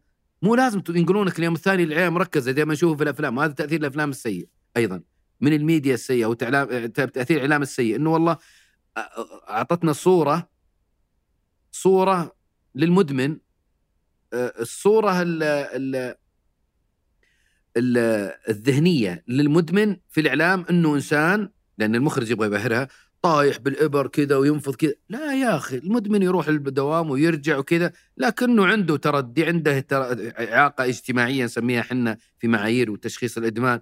عنده مشاكل و... وعنده صرف في المال في غير محله وعنده وقت كثير يروح فيه عنده عدم سيطرة عنده كذا عنده كذا عنده كذا. فأنت لما تجي للجانب هذا تقول له أنا ما عندي تقول يقول لك ما عندي اضرار أقول له شوف الفاتورة مؤجلة فاتورة الحشيش فاتورة المؤثرات العقلية مؤجلة وقد تكون باهظة. ولذلك آه لا تنتظر إنك تتضرر عشان تصحى وتروح تصحي حياتك. الحشيش الناس تتساهل فيه غالبا لأنه يعني في عدة عوامل. تخلي الحشيش له يعني آه، كذا شعور مختلف عن هيروين حشيش تحس إنه يعني عالميا نشوفه في ال... في ال... عند الناس زي سنو دوغ وكذا. أيوة. معظمهم يحشون معظم الفنانين الغربيين أتوقع يتكلمون عن الحشيش بشكل حر. معظم ما أدري عن عدد الولايات بس عدد كبير من الولايات الأمريكية الآن صحيح. وبعض الدول الغربية والأوروبية مصرح فيها الحشيش بشكل طبيعي. آه ما في overdose للحشيش وهذه. معلومة اسمعها دائما فما ما تقدر تموت بجرعة زائدة من أيوة، الحشيش إلا إذا ما أدري كم 100 كيلو لازم تحشش في الساعة أو شيء زي كذا. آه وما له يعني ما له وإنه هو أصلا نبتة طبيعية وكذا. يعني إيش الفرق بين الحشيش والنعناع؟ وش مشكلة ال... وما يأثر يعني آه معظم أظن اللي يحششون اي فله كذا وخلاص شكلنا أنا وياك بعد شوي بنحش لا لا كلام جاهز؟ لا لا جاهز لا لأنه لأنه مرة يعني مرة مثير للاهتمام لا، لا، صحيح. حتى القانون كل اللي ذكرته هذا حتى القانوني يعني دقيقة أيوة. لأنه في واحد من يعني صح. واحد من ال- المرافعات اللي صالح آه، شرعنه الحشيش قانونيا إيوه إيوه يقول لك هو ما هو بهذه الخطورة حلو أيوة، صحيح. فليش تصنع سوق سوداء؟ ليش تصنع مجرمين؟ ليش تصنع. كذا وكذا وكذا؟ خليه مشرعا وهذا طبعا اللي يصير في يعني في. الولايات الامريكيه لأن الناس عندنا هنا ما تستوعب كيف عادي فهو في هذا وجهة النظر إنه خلي قانوني يا أخي دام إنه هو ما هو بهذا السوء ليش أنا أصنع واحد مجرم؟ ليش أنا أخليه آه، في سوق سوداء قد يدخل في مواد أخرى؟ فهذا الحشيش وين إيه. المشكلة؟ المشكلة هي اللي ذكرتها أستاذ حاتم الجدل الكبير عالميا إحنا حضرنا في نيويورك ضمن وفد المملكة العربية السعودية في فيينا وفي كثير العالم. كنت أمثل وفد المملكة في موضوع ال- الادمان المخدرات بشكل عام. وفد مكافحة المخدرات وكنا نلتقي بالخبراء العالميين في العالم. ما في خبير في العالم فاهم عالم كعلم بعيدا عن السياسات. يقول لك الحشيش ما في ما عنده مشكلة. طبعا الحشيش اليوم يثار عليه عدة آه، مغالطات. المغالطة الأولى إنه في دول أباحته أباحته قانونيا بضغوط معينة ورضوخ للواقع ووصول الظاهرة في بعض الدول إلى الاستفحال وعدم والاستعصاء على التقنين الق- أو أقصد المنع. فقالوا قنن. وفيها دوافع راسماليه آه، للأسف آه، لا تراعي الإنسان قدر ما تراعي المال. تمام؟ تمام بدال تروح الفلوس آه، قالت تروح كذا أفرض عليه ضرائب. تدخل ضرائب. لا لا هذا موجود. وكثير من الساسة هناك يعارضون يعني جمعيات العلمية هناك في أمريكا أنا عندي تتبع لب... آخر تقرير تقارير الامم المتحدة يعني يحذر من خطورة إباحة الحشيش في بعض الولايات وأكثر الولايات المتحدة الأمريكية اليوم في موضوع إباحة الأغراض الترفيهية إنه صار صار زيادة عندنا في التعاطي المراهقين صار عندنا زيادة في أسرة المرضى صار زيادة في في في في في الجرائم المرتكبة بسبب تعاطي الحشيش وأيضا حوادث السيارات وغيره هم يتتبعون الظاهرة ولا زالت محل جدل. فكونك تجي أنت وتصير فار تجارب محل جدل في دول نبيحه ولا ما نبيحه هذا ما أعتقد إنه منطقي. زين؟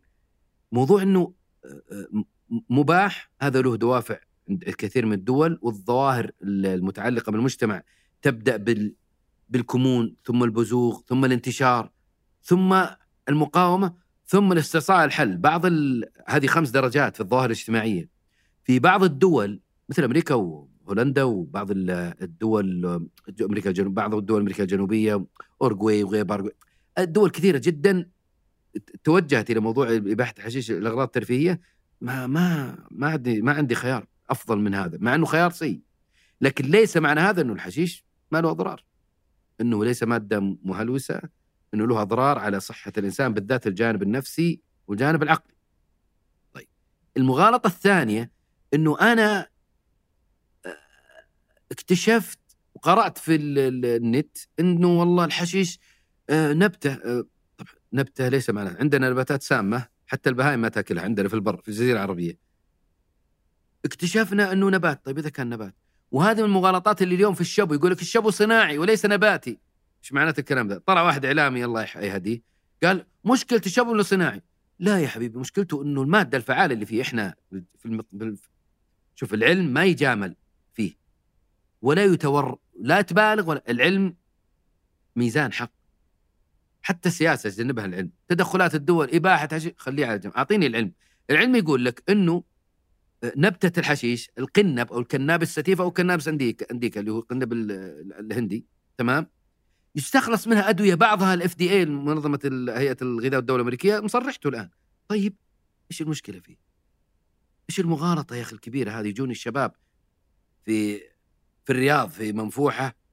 والله العظيم وجالسين يقول أيوه. يجوني أنا يدخلون علي في السجن. شفت يا دكتور سامي لاعب علينا أنت؟ قلت ليه؟ قالوا صار الحشيش علاج. قلت يا أخي سم الثعبان ما يأخذون منه علاج. النباتات البرية السامه يؤخذ منها علاج. بعض المركبات في الصيدلية الآن تأخذها من الصيدلية الفلانية. لو أخذت منها حبتين زيادة صار عندك مشاكل.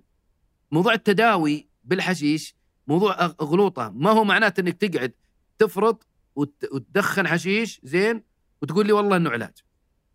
طيب شو الفرق بين ها- اللي الحشيش اللي يدخن في منفوحة منفوحة و- وأوكلاهوما. واللي أي واللي يوصف كدواء. واللي يوصف كدواء في كاليفورنيا شوف ال- يعني أنا ما شوف أنا لي حلقة بسوي لها دعاية في دوبامين برنامجي الجديد في اليوتيوب. الحلقة ال- الأولى في الشابو والثانية أعتقد أو الثالثة بتكون في الحشيش الأسابيع هذه. زين؟ وتكلمت عن الجانب هذا. الحشيش يجي بشكل عام ات- اترك زيت الحشيش لأن زيت الحشيش هذا زيت مركب المادة الفعالة وغالي الثمن قليل مش زيت الشعور هذا اللي يقول لك زيت حشيش. يعني زيت الحشيش هذا اللي موجود في الأسواق ما له علاقة بزيت الحشيش اللي THC اللي هو القنب زيت القنب. هذه أشياء صناعية يلعبون في الناس زيت أفغاني زيت كذا وزارة التجارة في السعودية ترى منعت الكلام هذا غش تجاري ما هو زيت ما له علاقة بالح- بالحشيش المخدر نبتة الحشيش. طيب نجي للنبتة. هي تؤخذ منها عدة أشياء لكن هي بشكل آه، رئيسي منتجين من نبتة الحشيش. ال resin اللي هو الراتنج اللي هو الذرات الدقيقة والعصارة اللي تت- تتأكسد و- وتخلط ويجمع الذرات هذه واحيانا ت- إذا كانت ذرات دقيقة تعرض تعرض للبخار ما وتصير مثل الصلصال. هذا مركز تصل النسبة فيه إلى 15% من ال THC اللي هو ال tetrahydrocannabinol اللي هو المادة الفعالة المادة الفعالة دلتا 9 آه، تترايدوكانابيلون هذه التي سي اللي هي لو تشيلها ما بيعمل لك آه، الدماغ وأجواء وغيره. تمام؟ ومعها أربع ثلاث مواد. وهي أربع مواد المواد الأساسية في يعني في التأثير النفسي. طيب؟ طيب عندي أنا الآن ال- ال- ال- ال- ال- ال- العصارة أو الذرات أو الراتنج هذا اللي هو الرزن. تمام؟ آه هو اللي موجود عندنا في المملكة في الغالب. في الغالب 90% ما حد عندنا ماريوانا ما عندنا ماريوانا. آه، وهو اللي الآن يصنع عليه يجينا في الغالب من أفغانستان باكستان يعجن يجيك شوفه في اليوتيوب. موجود إنهم يعجنونه أحيانا واحيانا يعرضون البخار أحيانا. المهم إنه يجينا على شكل صلصال بني أو أسود. هذا تركيزه أكبر. لكن في للأسف الشديد دراسات المملكة العربية السعودية في مختبر الشرعي في الدمام أنا وقفت عندي الدراسة آه، 79% من الحشيش فيها معادن ثقيلة واسترونيوم والومنيوم ومد- تفتك بالجسم. 61% من العينات اللي موجودة في المملكة العربية السعودية فيها تلوث بكتيري يتعفن. وفي في التصنيع الرديء شفتوا اليوتيوب إيش كيف يصنعون هذا؟ شيء مقرف. ويخلطوا بطريقة معينة ويحط في أوراق السيلوفان أو البلاستيك الشفاف هذه ويجيبونها لك هنا. واحيانا يخزن. ويهرب بطريقه معينة فيصير فيه تعفنات. تمام؟ طيب هذه مادة آه، ومادة فعالة فيها تصل إلى 12 15% وعندي مادة ثانية اللي هي مادة ال- الجراس اللي هي الحشيش الماريوانا العشب. عشبة نفسها اللي هي الأوراق والزهور والسيقان والبذور. كل مك... مك... كأنك ماخذ بقدونس ومجففه. أو نعناع. مجفف. نبتة نفسها خضراء تشوفها لونها أخضر فاتح. فهذه ل- ما بتكون آه، تأثيرها المادة الفعالة فيها يعني كانوا يقولون من 2 إلى 5% فقط. مع إنه في السنوات الأخيرة آخر تقرير الأمم المتحدة يقول لك وصل 8 10% صار فيه في تعديل في إيه صار الزراعة. في تعديل حتى في الزراعة صار في على كل حال ما تصل لهذا. الشاهد اللي بوصل له المادة الفعالة اللي نحذر منها من موضوع الحشيش موجودة في الجانبين. موجودة هنا موجودة هنا لكن بنسب مختلفة. تمام؟ فأنت لما تجي تقول والله الحشيش اللي عندنا على قولة أخونا المصري الممثل الجميل ها يا شباب الحشيش تمام ولا إيه؟ بعض الشباب يقول ها الحشيش عندنا في السعودية غير؟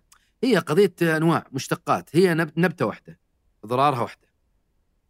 مادة مهلوسة لها أضرار نفسية لها أضرار عقلية تعزلك عن الحياة تعطيك أجواء معينة أنا ما أبغى أتكلم فيها حتى ما يكون كلامي إغراء لل... للناس لكنه ما تأخذه منك من اتزانك النفسي ونوبات الهلع وعدم القدرة على مواجهة الناس. أتحدى واحد يحشش بالذات اللي خليك اللي في أول الطريق ياخذها آه، دلع وآخرها ولع. زين؟ مثل ما نقول حنا.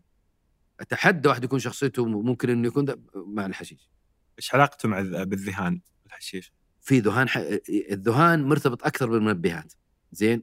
الشابو الكريستال الكبتاجون يصير عنده ذهان اللي هو أخلاط عقلية عدم تمييز الواقع إدراك و... لكنه آه، في آه، بحث آه، أنا كنت أطلع عليه قبل يومين في عندهم ذهان ال THC ذهان الحشيش. ذهان يصيب متعاطين الحشيش. ولذلك هو مشكلة الحشيش إنه يدخلك في أجواء وهلوسة وشكوك وبالتالي يؤثر على قدراتك العقلية. والنفسية إذا تبغى عقل حلو تفكير حلو اتزان حلو استجابة حلوة زين؟ تبغى نفسية حلوة مع الناس علاقة مع الناس خليك بعيد عن الحشيش.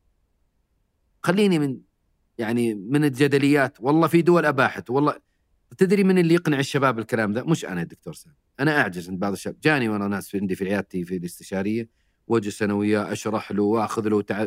نسميه إحنا ال motivational interviews اللي هي أسلوب نفسي اللي هو المقابلات الدافعية. اقناع وناخذ معاه وناخذ معاه. أعجز منه. يقول والله شوف أنا حشيش. شيل من رأسك يا دكتور سامي إني أمشي حياتي بدون حشيش. من اللي يقنعه أكثر؟ لما يجلس مع واحد مجرب. لما يجي يقول شوف ترى أنا أنا عندي والله واحد في العيادة. أقسم بالله له ثلاث سنوات يتعالج الآن من نوبات الهلع. يقول لي والله لو أنا أجلس أصلي مثلا يجي واحد جنبي. يقول ما أقدر امسك نفسي خلاص ضعفت. أهلكني يقول الحشيش لدرجة إني أنا يعني يقول إذا صلى أقول هذا إيش يبغى؟ إيش اخاف آه، إذا في ناس متجمعين ما أقدر أقابلهم. الحشيش يعزل- يعزلك عن الحياة. يكفي إنه متعتك متعتك وسعادتك وراحة بالك ترتبط في داخل الدماغ النواقل العصبية الدوبامين وغيره ترتبط ويعني خلاص تتعلق بموضوع الحشيش. متى ما جاء حشيش المزاج حلو. متى ما راح سجر بعضهم والله أمس كنت مع واحد من الشباب الله يهديه ويوفقه إن شاء الله إنه بعد يتعافى يقول لي لدرجة إنه أنا أخذ لي نص ربع. نص ربع كأنها دين عود كأنها عود بخور.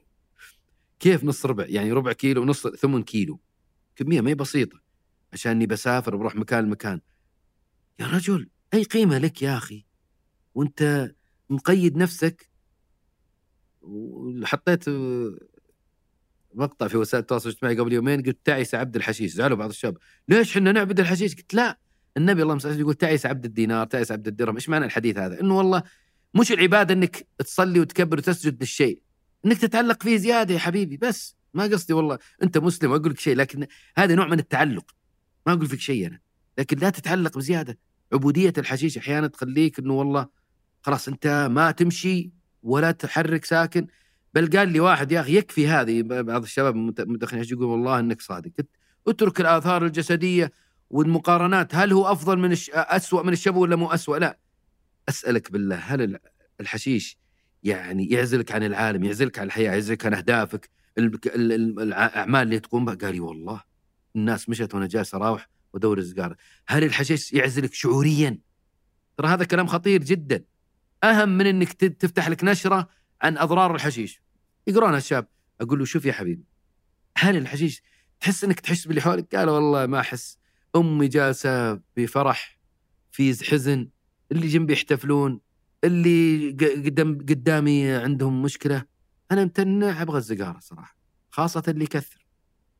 ومشكلة الحشيش إنه ما يقف عند حد. الصاروخ يقول الصاروخ والصاروخ يبغى له ثاني وال weekend يلحقوا أيام والجسم فيه شيء اسمه بعد شهور أحيانا سنوات شيء اسمه إحنا في في علم الإدمان التحكم. التحكم هذا يعطيك نوع من ال control الجسم يبغى زيادة يبغى السقف زيادة. يرتفع السقف. فالسقف يرتفع فتتجذر مشكلة أكثر. أنا أكثر ما يزعجني في الحشيش لأنه آه، يعني الحمد لله ربي عافاني وما ما ما عافاني بعد الحمد لله إني ما ما حششت يعني. بس أشوف أقراني اللي كانوا معي في المدرسة اللي كانوا طايحين في الحشيش وغيره أشوف الآن بعد كم 10 15 سنة من من التخرج ما في حركة. يعني خلاص هو بالنسبة له جلسة الحشيش هي الهدف. واصبحت حياتهم تتمحور بشكل كامل حول هذه الجلسة. فهو هذا همه إني بجلس جلسة حشيش. اصدقائه هم نفسهم اللي حقين الحشيش لأنه ما يقدر يدخل على مجتمع ثاني غير مجتمع الحشيش. فهذا أكثر ما يخيفني والله في الحشيش بعيدا عن على قولك الجدول الكيميائي ولا التشريعي ولا عالم الناس صحيح. انت بتصير إذا خلص يومك ولا في نص اليوم ولا اللي هو همك الجلسة هذه ولا تدري عن الدنيا ولا تدري القلق اللي اللي يحركك أحيانا إنك لازم تنجز لازم تشتغل لازم الخوف اللي يخليك خايف من المستقبل أحيانا بدرجات معينة مفيد. فانت أنت ليش تسعى أصلا للمستقبل؟ أفضل إذا ما عندك شوي خوف من المستقبل السيء ولا فعندك خوف ما خوف دق الصاروخ وراح وخلاص الدنيا حلوة والحياة حلوة إيه. وركز على توم جيري وأمورك طيبة. خلاص فأجي ليه ليه أتعب ليه؟ هذا أكثر شيء صراحة يخوفني أنا شخصيا من من الحشيش. صحيح. مخيف جدا يعني. وهذا يرجع للصورة الذهنية عن الإدمان. هل الإدمان مجرد هي مادة آه، آه، تأثيرها الجسدي فقط؟ عليك وظاهر واعتمادها أو سواء كان اعتماد نسميه إحنا إدمان جسدي اللي أصلا لو تفك المادة صار عندك يعني تهيج الجسم واضطرابات ونفسية وما تطلب المادة أو نفسي اللي هي الخرمة واشتياق هذا يرجع لمفهومنا الإدمان. الإدمان أوسع من هالكلام. الإدمان يا أخي كل ما يعيقك عن عن عن أعمالك نسميها إحنا الإعاقة الاجتماعية. مؤشر قياس الإدمان في ال DSM 5 يعني دليل التشخيص الإحصائي الأمريكي جمعيه الطب النفسي هو اللي نعمل فيه الآن في مراكز أكثر مراكز الادمان كيف أنت تقيم درجة الإدمان أو تشخص درجة الإدمان؟ هذه ال DSM 5 يبين لك ويفتح لك الآفاق إنه الإدمان ليس مجرد مادة تأخذها. الإدمان قد يكون آه، عادة سلوك إباحية وهذه إدمان يسمونه كوكايين العصر ترى. الإباحية اليوم يعني المتورط فيها من الشباب والبنات كثير. وأنا تفاجأت قبل يومين أو ثلاث أيام جاني واحد من الشباب مدمن اباحيه قال لي ما حياتي خلاص دمرت. عجزت ساعات طويلة تروح من عمري وأنا جالس على الأفلام وعلى المصايب هذه. وهي نوع من نوع ادمان له برامجة.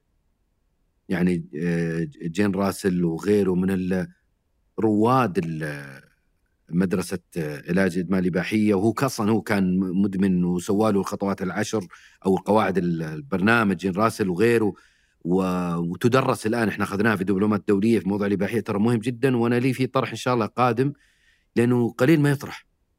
إيش الناس يقولون يروحون؟ يقول لي يا عمي رحت للموسوعات وأضرار الإباحية والعادة السيئة ولا لا لا لا, لا لكن ما في برامج عملية للموضوع هذا.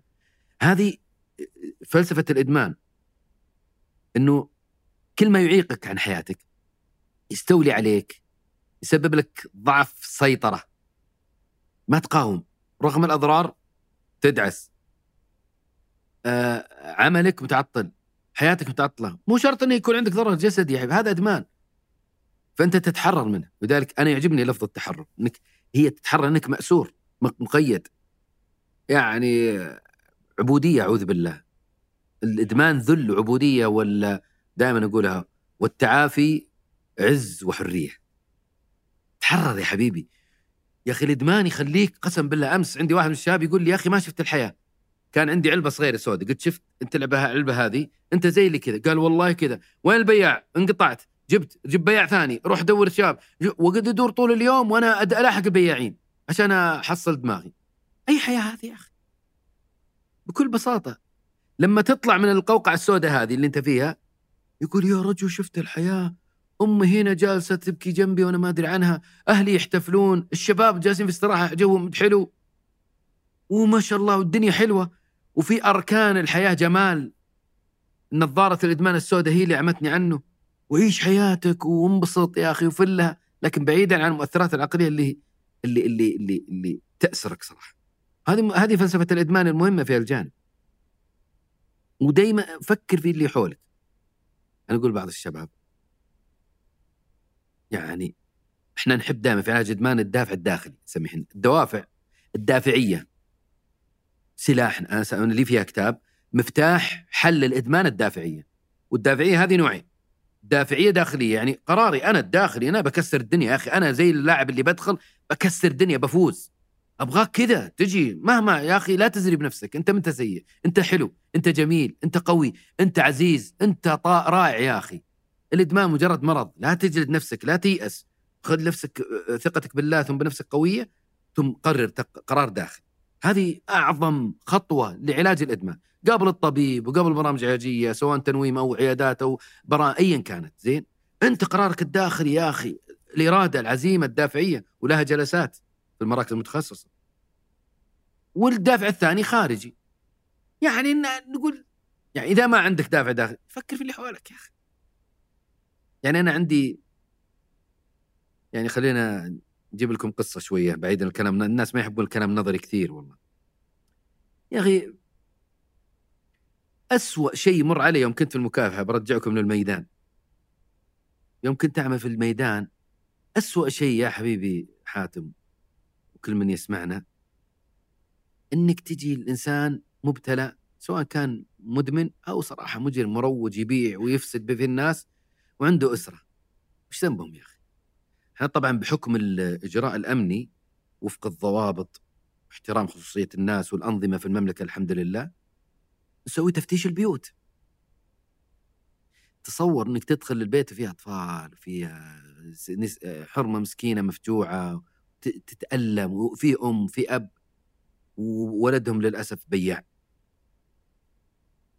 وللأسف تلقاه حاط في بيت أهله للأسف دون مراعاة لهم.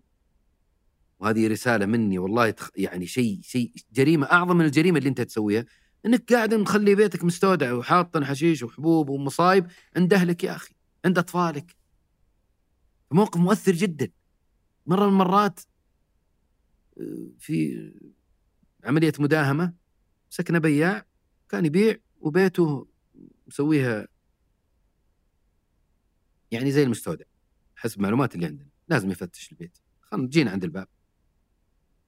طبعا معنا الإنس- الإنسان هذا مقيد.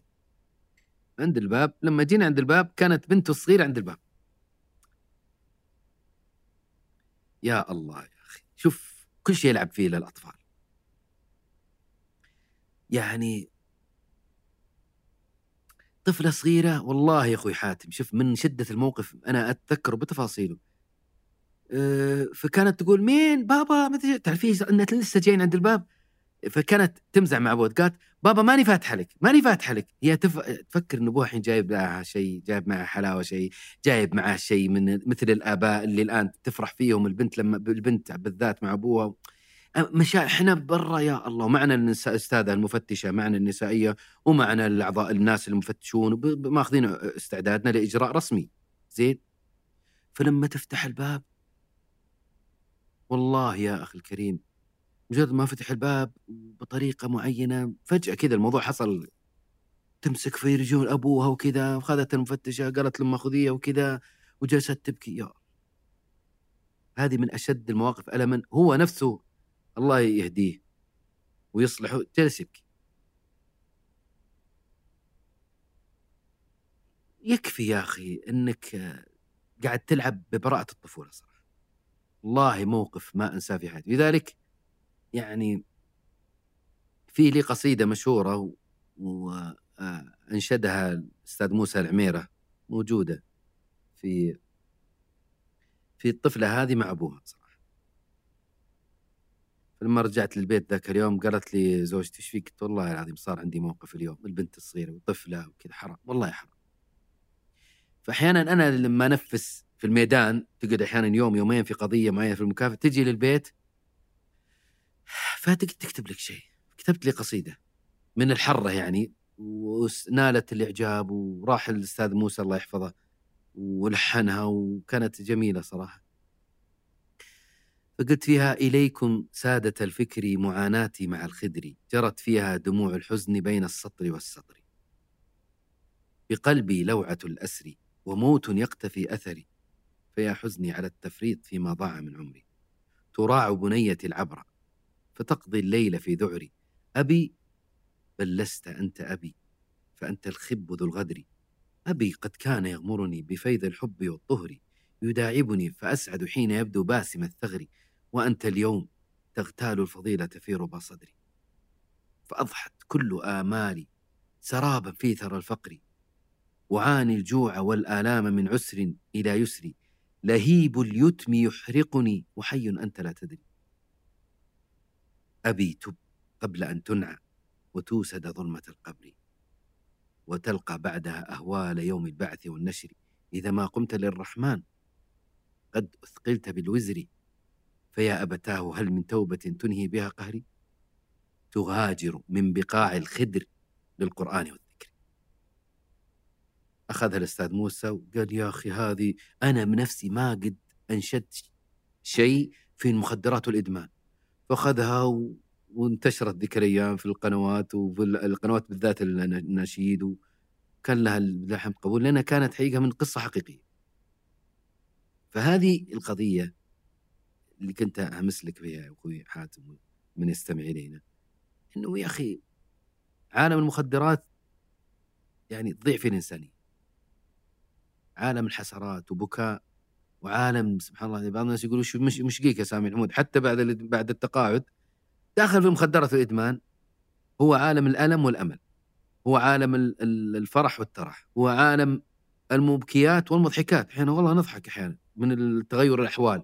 وبعض الشاب إذا غير حياته وكذا صار له مواقف تعرف يعني سبحان الله العظيم. فإحنا ما بين يا الله يعطينا من الرسائل في في لقاءاتي مع الشباب. ما ينسينا هذا الألم. لا يفكر الناس إني أنا اخترت بعد التقاعد إني أجلس في الموضوعات والإدمان المخدرات إني غاوي هم وحزن. لا. في أشياء سبحان الله يفتح الله فيها في هالجانب. تشوف فيها إنسان يصنع حياة جديدة. كويس. تعطيك إن الناس لا زالت بخير والله ثقيل جدا يعني هذه المواقف. الله ي... الله يتوب عنهم ويعين نعم. أهاليهم. نعم. أنا أفكر في الأهل لأنه دائما في القرار الصعب بين ال... بين التعاطف. يعني فرضا إذا أب أو أم لا قدر الله ابنه متعاطي أو أخ أو أخت أو كذا. فأدري إنه صعب إنك ما ودك تخسر ال... الإنسان هذا وتصده صدود كامل. في نفس الوقت ما ودك تتقبل الحالة هذه اللي هو فيها.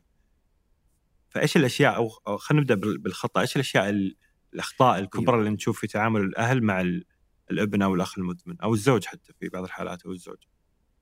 إيش إيش الأخطاء اللي يسوونها الأسر؟ الأسرة السعودية المحافظة الطيبة الكريمة أنا ودي أقولها بس مستحي شوي. قد يكون عندها أمية أحيانا في التعامل مع مريض الإدمان للأسف. إحنا محافظين بعض ابائنا وامهاتنا ما قد شاف لا شراب ولا حشيش ولا غيره فلما يصدم إن الولد بدأ يتعاطى يعطيه على رأسه ردود انفعال غير منضبطة عنف تهزيء فضيحة الولد ما. يتكلم معه بطريقة فيها احتواء فيها لا والله أمة رايحة مع الخالة والخالات والعمات والعمة والعالم كلها دريت وكل اللي في البيت دريوا وخصوصيته وسريته. وهذا ترى ثقيل جدا على مريض الإدمان. إنه والله أنتم كت... حتى أنا لو من أختي يا أخي لا تشنعون فيني تفضحوني. طيب. أعطوني حل. أنا ما أقف مع المدمن مريض الإدمان. أنا أحب أسمي دائما مريض الإدمان. مريض الإدمان مريض. إذا سوى شيء مخالف يعاقب لكن إننا نتعامل في حل مشكلته مع مرض. المرض هذا فيه إنكار فيه وعي مشوش فيه دافعية ضعيفة فيه مادة تجذبة. يحتاج مريض الإدمان إلى شهور إن لم تكن سنتين في المعدل العالمي في الإدمان الشديد حتى يتعافى تماما. ما هي بالقضية خذني جيتك ما هي القضية سلوك؟ أنت كأب أنت كأم وأنت أو أنت كأب تقول والله اكتشفنا الخطأ يلا عدل. لا مو أحيانا ليس ب... ب... ب... ب... بإرادته ليس بمقدوره. أحيانا يستع... يحتاج استعانه بصديق. الاحتواء مهم. الهدوء مهم. معرفة المشكلة ودراسة الحالة. هل الولد متقبل مدرك المشكلة أو مكابر أو مؤذي أو مته... متهرب أو أو أو أو إلى آخره؟ ما في قاعدة للتعامل مع كل حاله من حالة الإدمان. يجب نعرف الحالة وش بالضبط ونستشير من نثق فيه ليش ليش أقول نستشير؟ لأنه كثير من الأسر تبي تكحلها تعمية هذا الصدود الشديد والتهزيء والضرب وكذا اللي عند الصدمه غالبا هذا خطأ هذا خطأ خطأ وهذا يجذر المشكلة وهذا يسبب النفرة ويستفز المريض الإدمان بالعكس اذا هو متعاطي وهو في إيه. بيتك فإذا يقول لك شفت شفت يا دكتور سامي إذا جاني جلست معه قلت ليش يا حبيبي؟ قال شفت؟ شفت إيش يسوون فيني؟ آه يعني مثل يقول آه جاني المبرر يسقط عليهم. أنا والله ما أنا أنا والله ماني مدمن. قلت أنت ملاك بس أعطيني اللي عندك. أنا ماني مدمن. قلت ما أنت مدمن. قال أهلي اللي خلوني أدمن. إسقاط. أو إزاحة. يقول لك المشكلة مش في الإدمان. المشكلة في كذا في البيت. عندنا أبوي مطلق أمي ومدري إيش ومدري. طيب هذه مشكلة عندي مشكلة ثانية عندك أنت. طيب لما أجي أواجهه أنا دائما مع المدمن لا مقاومة لا جدل لا محاضرات. تنظير الزائد تسوي محا... هو عارف ان الحشيش ضار. هو عارف إن الشابو ذا يمكن نعطيه كلمتين بس إنه هذا ترى يضر كذا. ولا تكثرون كلام. بعض الأمهات تصبح تمسي ولدها لانها خايفة عليه. ترى الشابو يسوي لك كذا ترى الشابو كذا كذا ترى الحشيش كذا كذا ترى كذا كذا. لا تنصحون المدمن. لا كلمة خطيرة دي يمكن الناس يستغربونها. شو الدكتور سامي على هالسنين كلها يقول لنا لا ت... نعم أقول لا تنصحون المدمن احتووه حبوه زين أعطوه المجال. احزموا أيضا الحزم مطلوب. لا تجي المدمن تقول له أنت والله يعني سيد قرارك إحنا نصحناك وأنت بكيفك. إحنا عائلة آه، استقراطية ومدري وش وخربوطية. يا رجل روح. ما ينفع كذا. أنا ما أدعو إلى العنف. يج- يجب يكون عندك كأب حزم لكنه حزم حزم الإنسان صاحب القرار المؤكد لذاته الحريص على أبنائه لكن اللي قلبه كبير ويعطي مجال ويحترم ويقدر ويناقش بهدوء يختار الوقت المناسب يختار الشخص المناسب. من اللي يفتح حبيبي مع الموضوع متى نفتح مع الموضوع طيب نعط وأيضا لا نيأس بعض الأسر تكلموا مرة ها اكتشف إنك مدمن بطلت؟ أنا ما بطل أو إنه يق- يقول لهم طبعا أنا ببطل إن شاء الله خلاص إن شاء الله يصير خير. جلس أعطوه مهله ما هي ما هي ما تؤخذ بالطريقة دي لازم نكرر نأخذ نه- نهد شفت اللي نحف نحاول نحاول حتى ينفك اللحام. تغيير قناعات المريض الإدمان خطير جدا مهم إحنا نحتاج فيه إلى تكرار عدم يأس تغيير أساليب طول النفس شوية ما دام ما في إيذاء أو خطر يعني إذا مو إذا. مو بياع يعني إذا مو لا. لا البياع نسأل الله العافية ما. يسكت عليه هذا اللي ضرر متعدي ما يسكت عليه لكن اتكلم عن مريض الإدمان زين وأيضا آه يعني ما نستعجل في العلاج الإجباري العلاج الإجباري أنا نظرتي فيه بعد سنوات طويلة وأنا كنت مسؤول عنه في المملكة العربية السعودية عن موضوع النقل المدمنين الاجباري قبل التقاعد شوف العلاج الإجباري وناقشت أنا في خبراء دوليين في هالجانب هو حل بس متى حل كوسيلة للبحث عن المفتاح المفقود الدافعية والقرار الداخلي الاقناع لكن هو ليس حل في ذاته هو وسيلة حل متأخر حل ضعيف صراحة لأنه خارج عن إرادة المريض لو اعطيه أحسن علاج وذا قال لك إياه. بالعكس أحيانا يولد تمرد ومقاومة لكنه متى نلجأ له؟ إذا والله صار عندي مقاومة في اذى في خطر على أهل البيت لا لا هنا نبلغ الجهة الأمنية وأيضا اذا إذا يأسنا استنفذ الفرص لعله نقول آخر الدواء الكي إنه والله إنه لعله يصحى ويبدأ في دخوله الشهر هذا اللي يجلسوا في مستشفيات إرادة بالنقل الإجباري إنه يسمع له كلمة حلوة يتخلص هذا اللي اذا إذا, إذا الأسرة بلغت على ابن إيه. يصير علاج إجباري النظام في المملكة العربية السعودية يكفل لمريض الإدمان إذا تقدم بنفسه إنه ما يساءل. وأيضا يكفل لمريض الإدمان في المملكة العربية السعودية إذا تقدموا أهله حتى لو هو رافض منكر إذا جاء عن طريق الأهل أيضا إنه ما يساءل ولو كان معه شيء من المواد المخدرة في جيبه كذا يتلف فورا ولا يؤاخذ. وهذا من رحمة النظام السعودي ب- بمريض الإدمان. إحنا نفرق بين مريض مثل ما تفضلت أو بياع. لا بياع يا حبيبي العقوبات شديدة البياع توصل إلى مروج، إلى الإعدام إيه، مثلا تصل للمهرب صاير في فتوى قبل آه، يعني قبل سنوات طويلة تعزيرا من اللي كبار. العلماء ففيها تشديد وهذا من من مراعاة النظام السعودي للجرم. ما أقارن الإنسان اللي مبتلى مريض إدمان بالإنسان اللي يفسد في الناس يا أخي وي- وينشر ال- الفساد بين الناس سواء بالتهريب أو بالترويج. حلو ففي هذا النظام إني أقدر أبلغ على وهي يعني الموضوع هنا. حساس وصعب. آه إنه فرضا لا سمح الله أحد في الأسرة مدمن باجي الأب أو الأخ أو الأم تبلغ على ابنها أو أخوها أو, أو إلى الدولة. فهذا هو اللي يصير العلاج الإجباري. نعم القريب من الدرجة هذا الأولى. متى متى أنت تدعم إيه. الفكرة ومتى لا؟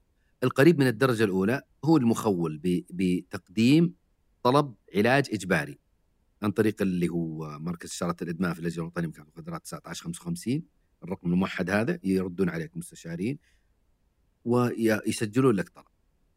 تمام؟ وبعد كذا ممكن إنه يحول الطلب إلى فرق مكافحه المخدرات مدنية يجون بسير مدني ينقل بصفة سرية. وللمستشفى ويجلسوا تقريبا شهر ديتوكس وعلاج أولي. تمام؟ هذا الأسلوب أنا ما أيد الأسرة إنها يعني تلجأ إليه إلا في مراحل متأخرة لما أنا أيأس. اللي صار يضرب الناس يضر البيت لا في وجود. الأذى ما فيها. على طول هذا. لا هذا وجود الأذى والخطر حتى بعض نظر الأدمان يقول أنت تهل. يعني أنا أنا ما- مكروه يعني مكروه المتعاطين. محبوب المتعافين والله العظيم. إيه. يقول لي واحد والله يكرهك كره الويل قلت لي لأني أنا هادم اللذات. اللي اهدم لذتك المحرمه هذه والله لا أقعد لك. بس لما يبط يقول الله يبارك فيك يا دكتور سامي بحب راسك. أمس مسكني واحد قال لي والله لا أحب راسك. لا تحب راسي يا أخي ماني ماني كبر أبوك. قال والله الله يعطيك العافية كنا نكرهك. كلهم يقولون لي كذا يوميا أقصد مو بيوميا يعني بشكل مستديم. يقولوا لي شاف والله إيه، قلت يا أكيد كل واحد يقف دون مريض الإدمان والجرعة مكروه عنده. زين؟ فلما يبطل وتزين حياته يقول يا أخي الله يبارك في الدك بالعكس كثير منهم لله الحمد يجوني عن طريق في ما اعرض في وسائل التواصل يقول الله يعطيك العافية غيرت حياتي أنا أحبك. وأنا كذا قلت الله إحنا نحبك ترى. زين؟ فلما تجي أنت للمريض الإدمان وتقول لأهله كذا يعني يحقدون عليه يعني يقولون ترى أنت يا أخي يعني. تقول لأهلي بلغوا علي عنه. أنت تقول كذا فقول يا حبيبي أنا أقول لأهلك يتلطفون فيك ويحتوونك وبأسلوب حلو يعززون عندك ويأخذون بيدك وإذا في مشاكل منهم هم مسببين لك إدمان أنا أقف معك أحيانا أنا دافع عن مرضى الإدمان إنهم ضحية وكذا لكن لا لما أنت تتمرد وتتجاوز خطوط يعني أمن الأسرة يعني جاءتني واحدة يا أخي قبل أسبوع أقسم بالله العظيم امرأة بالتليفون كلمتني تقول يا وليدي ول- ول- ولدي معه زي الغريشات هذه اللي انت تعرضها في حساباتك. قالت لي مدمن شابو قلت إيش دراك م- كبيرة سن مسكينة. قالت قلت وش كيف كيف عرفت يا أمي إنه مدمن شابو قالت معه الغريشات اللي اللي أشوفها في حساباتك أنا أتابعك. قصدها القرقور أو ال pipe الزجاجي اللي تدخين الشابو قلت إيوه يا أمي إيش سويتي معه؟ قالت والله إني بس أخاف ما أبي أكلمه لأن يوم كشفته كذا قال والله لا أنحرك. لا يا أخي أي قيمة لك كإنسان تنحر أمك ليه؟ فإذا أنت يا مريض الإدمان اسمح لي وصلت المرحلة هذه ما عندنا تساهل معك ولا عندنا تحبب ولا عندي وأقول للأسرة بلغوا عنه لأن حتى حتى, يهدى. هو غير مسؤول عن أفعاله أحياناً ما يشعر. هو تحت تأثير المخدر كثير من هذا مرضى الشبو الشبو بالذات ليس اليوم هو يعني. الشبو الآن يسبب جرائم قتل يسبب مشاكل يعني آه يعني الشبو الكلام عنه يطول جدا صراحة وهو, مشكلتنا الحالية ومع عدم التهوين من المخدرات الأخرى. حشيش كبتاجون كذا تسبب لك مصايب وقد يكون أثرها أكثر عليك من الشبو. لا تجيني تقول لي تاخذ خفيف ما في خفيف ثقيل في ال... إذا بعت عقلك خلاص. لكن يعني حتى أختم الموضوع العلاج القسري إذا أح أنا في مجال إني أحتوي لا ألجأ إلى العلاج القسري من أول مرة. بالعكس أنا عندي بعض الأسر للأسف إذا اكتشفوا إن ولدهم مدمن ما يكلمونه أصلا. يقول لو كلمتوني طيب طب علموني يا أخي نصحوني وجهوني. قالوا لا لا لا. ما نكلمك ما نكلمك. دقوا أنا براس أنا براس تعالوا خذوا الولد. طيب يا أخي شوية يا أخي. أنتوا حب حبوه يا أخي. والله كثير من مرضى الإدمان. بقول لكم شيء والله العظيم. كثير منهم وده يقول بس خذوني ما أدري وإني فيه. والله غدر ما دروب الا جوني قالوا قدامي يلا. إيش فيني؟ قالوا مدمن. قال طيب من اللي قال طبعا ما يقولوا له ان أهلك مبلغين عنك بس هو يعرف حاسس كذا كذا. بعدين طيب يعني قد التصرف هذا يسبب تمرد شرخ ومقاومة. والله، شرخ يعني أحس شرخ نفسي احسنت كبير. وبالتالي بنزيد بنزيد المشكلة ما بنحل المشكلة. اليوم صار عندنا حوادث قتل. اليوم صار عندنا حوادث حرق. اليوم صار عندنا في العالم كله الآن لو شفت جرائم الشبو في في العالم العربي إحنا نتكلم اليوم عن العالم العربي والعالم كله اليوم. يعني اكتب بس جرائم الشبو في مصر في السعودية في الكويت. الآن خلال الشهور القادمه بيطلع أنا كتبت آه، يا رجل الشبو مسوي يعني يعني يعني مسوي أكشن مؤلم مبكي في عالمنا العربي. المادة للأسف الآن سعرها رخيص. بسبب كثرة التصنيع ورداءة التصنيع ومشي حالك وبس يخلطون لك من السموم ويمشي. ما هو زي أول يقول لك غالي الثمن لا الآن رخيص في الدول كلها طبعا. التقارير المتحدة آخر تقرير يقول لك انخفاض السعر. الأمر الثاني سهولة التصنيع. الأمر الثالث شدة التأثير. شديد. الأمر الرابع موضوع الهلوسة. يعني واحدة من من الزوجات تقول إني مدمن زوجها مدمن شوفة تقول وصل وقف عند الباب تقول إنه هو يقول لنا أشم ريحة دم كذا بحرق البيت باللي فيه. وين الإنسان هذا؟ وين خرج عن إنسانيته؟ هذا إنسان في مسلاخ هذا حيوان في مسلاخ بشر هذا من حيوان ما يسوي ف يعني أي قيمة الإنسان اللي في بيته وفي ظله أهل بيته يعني يخافون منه. الشبو يسبب لك عنف شديد وضرب للنواقل العصبية الدوبامين السيروتونين والنوربينفرين اللي هو الأدرينالين حق الحركة هذا حق اللي رياضيين الطاقة وكذا. هذا يضرب فوق للأسف الشديد. وليته على خير ونشاط. على هبال وعلى عدم سيطرة. وتبغى أنت تكسر الدرج تبغى تفك السيارة كلها تركبها وتبغى تروح لازم تهجج لازم تسوي شيء. وأيضا الشبو فيه ميزة للأسف الشديد. ميزة خيبة يعني مش ميزة يعني إيجابية ميزة سلبية. إنه قال لي كثير من مر... هذا أقولها لكم ما تقرونه في الكتب والله. قال لي واحد مرضى مرضى الادمان في الشبو قال لي شوف أنا الصح وغيري الغلط. طبعا إحنا نقرأ في الموسوعات وفي في مراجعنا في علم الإدمان إنه الشبو يسبب جنون العظمة. زين؟ فمريض الإدمان الشبو تعال قل له لا. طيب أمه قالت له كذا أهله قال آه قالوا لي كذا. معناته انهم آه معناته انهم بي آه بيسوي لي شيء. لو تجي انت أخوه أخوه ابن كذا قال أنا أخوي يسوي شيء روح يذبحك. إضافة للموضوع عاد الهلاوس هذه خارج ال- خارج الإطار خارج التغطية. يتخيل إن في ناس يلحقونه يتخيل يشوف أشياء معينة يسمع أصوات تقول له شيء. هلاوس. فعلا هذه من تأثيرات الشبو الخطيرة جدا اللي تبين لنا ليش الشبو اليوم يختلف عن غيره. ومع كذا أقول أنت إذا دخلت في كبتاجون في حشيش في أي مادة مخدرة والله إنه ترى الموضوع ما فيه إنه الشبو تركيز الناس اليوم على الشبو يجب أن لا ينسينا أضرار المؤثرات العقلية اللي يبيع الانسان فيها نفسه وحياته وعقله آه، تحت ضغط أي مادة. شبو أنا سمعت إنه حتى أقوى من الهيروين. كأثر وأرخص منه كسعر يعني هذا هذا فصيلة وهذا فصيل يعني هذه من الأغاليط اللي تنتشر اليوم. أيهما أقوى؟ يعني كأننا صرنا في سباق سيارات. شبو ولا هيروين؟ وين أقوى؟ لا ما في. الشبو ينتمي إلى طائفة الأمفيتامينات والأمفيتامينات أه، جوها منبه بشكل عام الجهاز العصبي. بينما الهيروين من الأفيونيات والأفيونيات جوها مهبط وما له علاقة هذا في هذا. هذا له مسار وهذا له مسار.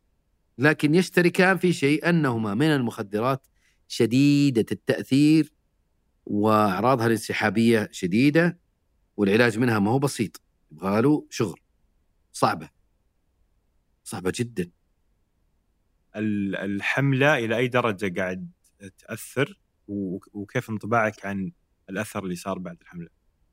والله شوف الحملة ما هي شيء جديد فصل من فصول حرب المملكة وقيادتها على المخدرات لكنه فصل تكتيك جديد باستراتيجية جديدة بتوجه جديد بضرب المفاصل بفرض الهيبة الأمنية وهذا مهم جدا. أنا قلت لك أنه مكافحة المخدرات في العالم كلها في استراتيجية أي دولة تقوم على موضوع ع- خفض العرض اللي هي المواد المخدرة والمروجين و... وانتشار المخدرات في المجتمع يقل سواء التهريب أو الترويج في الداخل. والجانب الجانب الثاني اللي هو خفض الطلب. الناس تكره المخدرات وتعرف إنه والله لو أخذت حتى الجانب, الجانب هذا الحملة وإن كان الحمله تغطي الجانب الأول لكنها أيضا تراها لها أثر وهو اللي الآن تستني عنه. الناس ما يدرون عنه. الحملة الأمنية المباركه الحمد لله مسوية الحمد لله شيء كبير في البلد شيء كبير أنا ما رأيته في البلد يمكن في 30 سنة. أقول لك جد إلا يمكن في بلحظات في حملات معينة كانت يعني يعني مرضى الإدمان صاروا يجون من أنفسهم يا رجل. الدافعية الداخلية اللي كنت أقولها لك صارت داخلية الآن يعني بدأت خارجية من الحملة وصارت داخلية. زين؟ صار يقول والله خلاص أنا جايك بتعافى صحيح إنه بعضهم مدفوع من الحملة. زين؟ يقول والله أنا الوضع في البلد ما عاد يصلح. ماني فاضي أنا والله ستة شهور أجلسها في التوقيف ومدري إيش نظام مكاتب مخدرات المملكة يطبق علي وكذا. وفصل لو فصل من و- الوظيفة يا عمي لا خليني أرت... وهذا شيء كبير شيء حلو إنك تشوف حياتك حلوة. عندك دولة تحفظ تحافظ عليك وتعينك على إنك تعيش حياة حلوة. عندك أسرة عندك أم وأب والدولة معهم وكلنا اللي نحبك نقول لك ترى بادر. فموضوع الحملة مسوية موضوع الدافعية شيء كبير. مسوية مخلخلة مفاصل صراحة المهربين المروجين بالذات المروجين في الداخل. بعضهم يعني يمكن شفته في بعض الأفلام ال- الحقيقية اللي بثتها وزارة الداخلية. بعضهم مسكر على سيارته في البيت ما يطلع بسيارته. صاير زي ماني بقايل الفار في البيت. فصاير يعني محدود الحركة محدود العلاقات. بعض المر... الم- المتعاطين يقولون لي والله ما عاد نلقى بياع ثقة كل شيء يخوف في البلد. كويس الحمد لله. عيش حياتك يا أخي. خليك من السراديب المظلمة هذه. الحمد لله الحملة مسوية شيء كبير حتى مع الأسر. فصار الأب والأم الغافل اللي حاط لولده ملحق في البيت يدخن فيه حشيش وياكل فيه حبوب ويقول خليه عندي ولا برا للأسف ومو بكثير. مو بكثير لكن أنا واقف على نماذج الشيء هذا. قال لا يا حبيبي الحين الوضع ما يرحم في البلد فأنا لا يا بابا ما في شيء اسمه إنك. صاروا هم يصير لهم دور إيجابي صار في عندي في الأسر ما يسمى نسميه حنا في التعامل مع المخدرات الإفصاح عن المشكلة والاعتراف بالمشكلة والتعاون فيها بين الأسرة وبين مريض الادمان إنه والله يتعافى وهذا شيء كبير في الحملة. طبعا الحملة لا زالت في أولها وحتى ما يقال إنها أنا ما عندي يعني تصور وين بتروح لكنها ال- خلال الشهر ونص تقريبا الآن اللي شفناها في الحملة المبشرات كبيرة جدا والأثر لله الحمد يعني عظيم عظيم. أقدر أقول لك إنه الأثر للحملة عظيم جدا. الله يديمها والله. أنا أم. وقفني والله واحد مرة. يفتشني فتشني فتشني فتشني. وأنا في بالي أقول الله يقويك الله يقويك مش تبي فيك. إيه والله مسوي يا حاتم؟ فتشني فتشني؟ فتشني. وسخني الله يكرمك الجزمة. والله يكرمك الشراب وفتش السيارة. و... وأنا في بالي يا والله ما عندي شيء أنا مسكين. أنا دخان ما ادخل بس قاعد أقول عادي حاتم تعاون عادي روق الحمد لله الله يقوي. ودي أقول الله يقويكم بس أخاف يشك فيني. الله يقويكم شد شدوا حيلكم. طلع قا... رحت من طريق يعني آه، يعني جده مكة في طريق كذا فرعي. أيوه أيوه. فكنت بوفر دقيقتين في الخط. أيوه. فرحت من الطريق الفرعي هذا طريق أيوه. الساحل يسمونه. طريق مشبوه إلى حد يا ما ذكي يعني. أنت. إيه،؟ على مين يا حبيبي؟ لما خلص. الله يقويكم وكذا. قال أنت ليش جاي من هذا الطريق؟ يا أخي بوفر دقيقتين. قال لا تجي من هذا الطريق مشبوه الله يهديك. لا عاد تجي منه. قلت أبشر ابشر عليك والله يعني تفتشت. بس والله الله يقويهم. فعلا فعلا الله يقويهم ويكتبوا جواب أنا أشوف الحملة مهم جدا. أنا يعني أستشعرها والله يوميا مع الشباب وبعضهم معلش يقول لك شيء. يقول أنا يا دكتور سامي مو بعشان الحملة أنا ودي أبطل. أقول له صادق يجب أن نتقبل الشباب. بعضهم عنده عزة نفس. ما ودي أقول إن الحمله معنى دقيق هذا إن الحملة خلتني أبطل. أنا اللي قررت. أنت اللي قررت. بقول لك شيء يمكن حسب لقاءاتي اليومية مع مرضى الإدمان في عندي في المركز يمكن 85 والله ما أقول 85 90% من اللي يمرون علي من شبابنا وبناتنا المدمنين والمدمنات. يعني كان عنده محاولات وقناعات إنه يبطل. مش جديد المريض الإدمان حيبي يقول لك أبغى أبطل هو يبغى ترى. ما مر علي ما أذكر الآن أنا وأنا معك واحد إلا واحد اثنين يقول لك والله أنا أول مرة أجي. أول مرة في حياتي أصلا أبطل أنا داعس يعني ما ما في مريض إدمان إلا هو يحس إنه في مشكلة في الغالب. إنه لازم يغير حياته. لكن متى؟ الله أعلم. فتجي الحملة المباركة أو تجي آه الأم الحنونة. وتأثير الأم ترى كبير جدا على الشباب. والله إني يقول لك ما جيتك إلا عشان أمي إلا أمي. زين؟ تأثير الأسرة إنه والله تحفزك أسلوبنا الحلو معاه تأثير الأخو. يعني أنا عندي قصة يا أخي. مدمن شابو في مدينة من مدن المملكة وأخوه في مدينة أخرى. وعرف إن أخوه مدمن شابو وجلس أخوه شهور ثم اكتشف هذا الأخ الحلو هذا الكريم انه أخوه مدمن. ترك عمله ثلاثة شهور. والله العظيم يا أخي شوف الأخو. وراح يقول لي هو أنا طبعا جلست معهم اثنين. قال والله يا دكتور سامي اخذت إجازة من عملي بدون مرتب حالتي حالة بس لأن أخوي غالي عندي. ورحت أخذ من مستشفى مستشفى وبديت أقرأ وأتثقف كأني داخل معركة. ومرة انتكس. ومرتين وثلاث. يقول يا رجل أخوي أصلا واحدة من الانتكاسات؟ يعني رجعت أنا للمدينة اللي أنا فيها واختفت عنا أخباره وهو من من تمرده في الشبو ترك المكان اللي هو فيه وراح إلى جهة غير معلومة. وبلغت الجهات الأمنية يبحثون عنه وترك عمله وحالته حاله تدمر تماما. يقول رحت أدوره. شوف وبلغت الجهات الأمنية. حتى الله ألهمني بواحد عنده في عمله القديم لمحه في حارة من حواري المدينة الثانية هذه فجيته واحتضنته. قصة فيلم لأخ كان دوره يعني أهم من الدكتور سامي ولا الطبيب الفلاني ولا المركز الفلاني. دور الأسرة يا أخي هي مفتاح الحل في كثير من حالات الإدمان. يقول أنا الآن الحمد لله يعني أخوي معاي ومبسوطين و... ورجع لحياتها الطبيعية. كان هذا يقول لي نفس المريض هذا الإدمان قلت وين تروح أنت؟ قال يا رجل أنا ما قعدت في السكن اللي أنا فيه لأنه لما تعاطى الشبو أحيانا أحس إن في حشرات تمشي علي. والله العظيم. يقول فأطلع أمشي في الشارع بعدين قلت لا. الشقة اللي مسكين يعني اهلاوس الشقة اللي أنا فيها فيها حشرات. فرحت طلعت منها ورحت سكن ثاني أخوه ما يدري مسكين. وهام على وجهه لدرجة إنه يعني كاد يعني فارق الحياة وصارت له مواقف للأسف الشديد في مكانه سكنه الجديد بسبب الشب فجاء أخوه هذا اللي سبحان الله كان طوق النجاة واجتهد معاه وأعطاه من وقته وأعطاه أعطاه حتى يعني أخذ بيده إلى بر النجاة.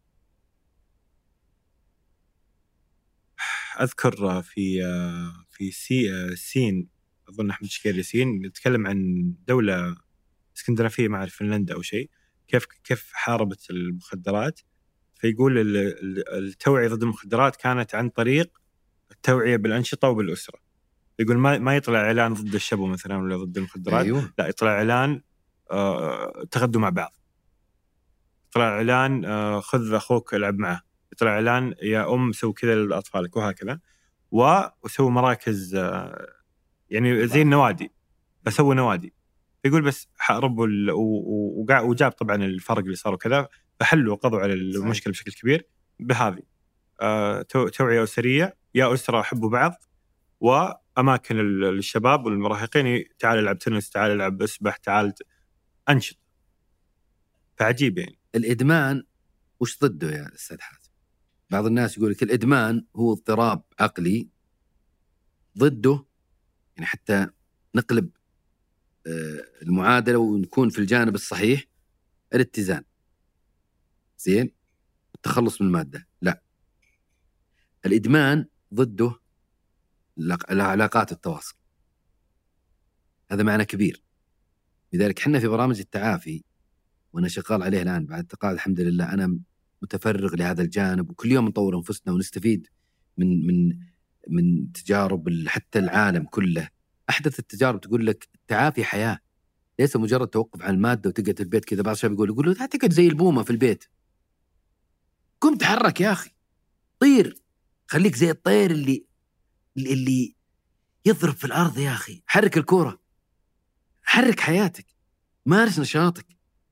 التعافي من الإدمان. ليس مجرد إنك تتعافى تتخلص من المادة كذا وتقعد مثلا وصافي بالطريقة ومتزن. لا. الإدمان يجب أنك تقابله بعلاقات أكبر. طبعا هذا الكلام آه، سهل علي وعليك لكن صعب على المتعافي اللي يعاني من أعراض انسحابية على رأسها تقلب المزاج والإكتئابات وذلك قد يأخذ في أول الطريق مضادات الاكتئاب يصفها له الطبيب المختص. زين؟ وبالتالي يحاول إنه يدفدفه إنه حسن مزاجك. لكن مع الدواء في شيء حركي سلوكي. انت روح تحرك احضر اجتماعاتك. قال والله يا دكتور فاهمني بطلت بس اني ضايق صدري طيب قم تحرك يا أخي. ما أقدر. ما عليه دف نفسك. مرة مرتين لما تحرك الكورة بتمشي. أنت كأنك لاعب منقطع. زين؟ عنده رباط صليبي ها؟ وأنت قوي أنت حلو أنت نشيط أنت ما شاء الله عليك رائع. بس الاصابه خلتك كم شهر؟ هذه نسميها إحنا الاعراض الانسحابية. وتأخذ علاجاتك. طيب بعد كذا روح تحرك ابدأ في الملعب شوية شوية حتى تقوى تبدأ علاقتك مع الناس تبدأ نشاطك اليومي. وتبدأ بعلاقاتك وحياتك واندماجك في حياتك. أنت أصلا تثبت نفسك وهي من وسائل التثبيت والمحافظة على التعافي وعدم الانتكاس. آه بعد التقاعد صرت أكثر انشغالا. وش السر؟ هذا عجيب. الناس يتقاعدون يرتاحون وأنا شوف أنا صار لي أشياء سبحان الله الله يهيئك لأمر. كل يعني ما مر في الإنسان في حياته حتى استعرض وأنا وياك اليوم في هالجلسة والسواليف أقول سبحان الله إذا أراد الله شيئا قيض له أسباب. أنا قبل التقاعد صار لي كم سنة؟ يعني في أشياء إدارية معينة وتغيرات تعرف ما بدخل في بيئات عمل على غير ما احب أنا بل مؤلمة. زين؟ أنا متخصص في هالجانب في جانب الوقاية وخبير دولي أمثل المملكة. آه لي خبرة 30 سنة وقتها أنا قبل كم سنة كنت يعني على الأقل 27 سنة 26 سنة في الإدمان. يعني ما كنت في يعني في وظيفة أو عمل يشبع هال المخزون اللي عندي. إضافة على المخزون الإعلامي وال social media وغيرها. ما الوضع؟ ما جايت مثل الكآبة. تغيرات إدارية معينة وأشياء الله قدرها عليك مصائب مصائب فعلا وظلمت فيها تمام؟ من أشخاص ليس من جهات. وافتري عليك أشياء يا أخي ما أدري إيش. وعزلت عن بعض الأعمال. فكان يجيني يا أستاذ حاتم ضيقة. عزلت يعني بقرار لا لا ولا؟ يعني تنحية اي قرارات وأشياء معينة. أشياء مالك فيها. وهي ما فيها ظلم مباشر أكثر من إنه قالوا فلان لا يشتغل كذا أخذ كذا وتوضع في مكان ما هو مكانك. فأنت تقول أحيانا ليه يا ربي كذا؟ استغفر الله استغفر الله. أنا ما أحب الكلمة لكن لو ذا لو استرسلت مع نفسي قلت ليش كذا؟ والله يا أخي إني أدعو الله لكل من تسبب في هذا. أسأل الله يجزيهم خير. كل من وقفني ثلاث سنوات في من حياتي هي سنوات بناء وليست تعطل. والله العظيم. قبل ثلاث سنوات وجدت نفسي في مثل منطقة ضبابية معينة في العمل الوظيفي. فقلت فرصة فاضي. ما عندك أشغال. في وقت مضى وصلت أنا إلى مساعد مدير عام. أقسم بالله يا رجل شنطتي معاي. أجي أكل مع أهلي لقمة شوي أريح العصر. المغرب ارجع معي شنطتي واحاول إني أنجز برامج وتوعية. تعرف كنت مساعد عام مدير مكاتب مخدرات في الشؤون الوقائية والعلاجية. برامج على مستوى المملكة وكذا و... زين. وبعد كذا صار عندك فترة ركود. يعني أنا صدمت فيها ثم سبحان الله العظيم فتح الله لك باب إنك يا ولد اشتغل على نفسك. كم باقي لك على التقاعد؟ تقريبا ثنتين أو ثلاث. حلو؟ أنا في الجانب العلاجي لست بذاك مثل الجانب الوقائي وكخبير في المخ... المخدرات بشكل عام والإدمان بشكل عام، لكن كبرامج علاجية برامج برامج لا. مع بعد ما سنحت الفرصة الحمد لله بديت في خط إنه أنت ما تتقاعد حتى يكون عندك يعني أساس قوي وعلمي ومهني في موضوع علاج الإدمان. فدخلت الدبلومة الدولية. مدا المداك لا هذه هي من مصرح من نيدك نيدك اللي هي جمعية مهنيي أو ممارسي الإدمان أو مشيرين الإدمان يسمونه في أمريكا مشير إدمان آه، في أمريكا. أي واحد يبغى يعمل في أمريكا في الإدمان زين لازم ياخذ تصريح منها. أنا الحمد لله ما أخذ آه، اعتماد منهم تمام؟ أخذنا الدبلومة الدولية عن طريق ال الله يعطيهم العافية شركة قويم اللي في الرياض. ورحنا لمصر تمام؟ واختبرنا في مصر الحبيبة في الاختبار وكان يوم حافل. إني مجتاز الدبلوم الدولي في الإدمان. وهذا شيء أثراني كثير صراحة. وأيضا موضوع إنه جمعيه نيداك معطتني الآن اجتزنا الاختبار عن طريق أونلاين عن طريق أمريكا واجتزنا الامتحان الحمد لله. كان في فتح كبير في الجانب هذا. أه، بديت أعد نفسي من ذاك الحين في الدخول في برامج علاج الإدمان. لأنه أرى سبحان الله يا أخي الله يقدر كل شيء. قليل ما يطرح هذا الجانب في سواء في, الإعلام التواصل الاجتماعي أو حتى في البرامج في المراكز. وأيضا الله ساقك له. لا تقول كيف. يعني بعض الناس إذا تقاعد يروح يفتح له بزنس أو يروح يريح أو يروح يفتح له محاماة. استشارات استشارات غيره. أنا فاتح رأي مع المدمنين. قال لي واحد يا أخي أنت إيش تبي من المدمنين يا أخي؟ الله يجوك يا أخي. قلت جوي أنت تشوف أنا أشوف شيء ثاني. تخ... تقاعدت بفضل الله تعالى زين على رتبة عميد وما تقاعدت إلا وقراري مديرا لمركز رشد تخصصي الإرشاد الأسري كان قائم قبل كم شهر الحمد لله. وهذه من فضل الله أن الواحد من دروس حياتنا أن لا تتقاعد ثم تتلفت. أنا مؤسس الموضوع قبل ما أتقاعد. يعني جالس أمهد أمهد أمهد أمهد ثم سبحان الله العظيم تقاعدنا. فصرت الآن مركز في هذا الجانب صراحة وأجد فيه خيرا كثيرا فضل الله بركات من رب العالمين.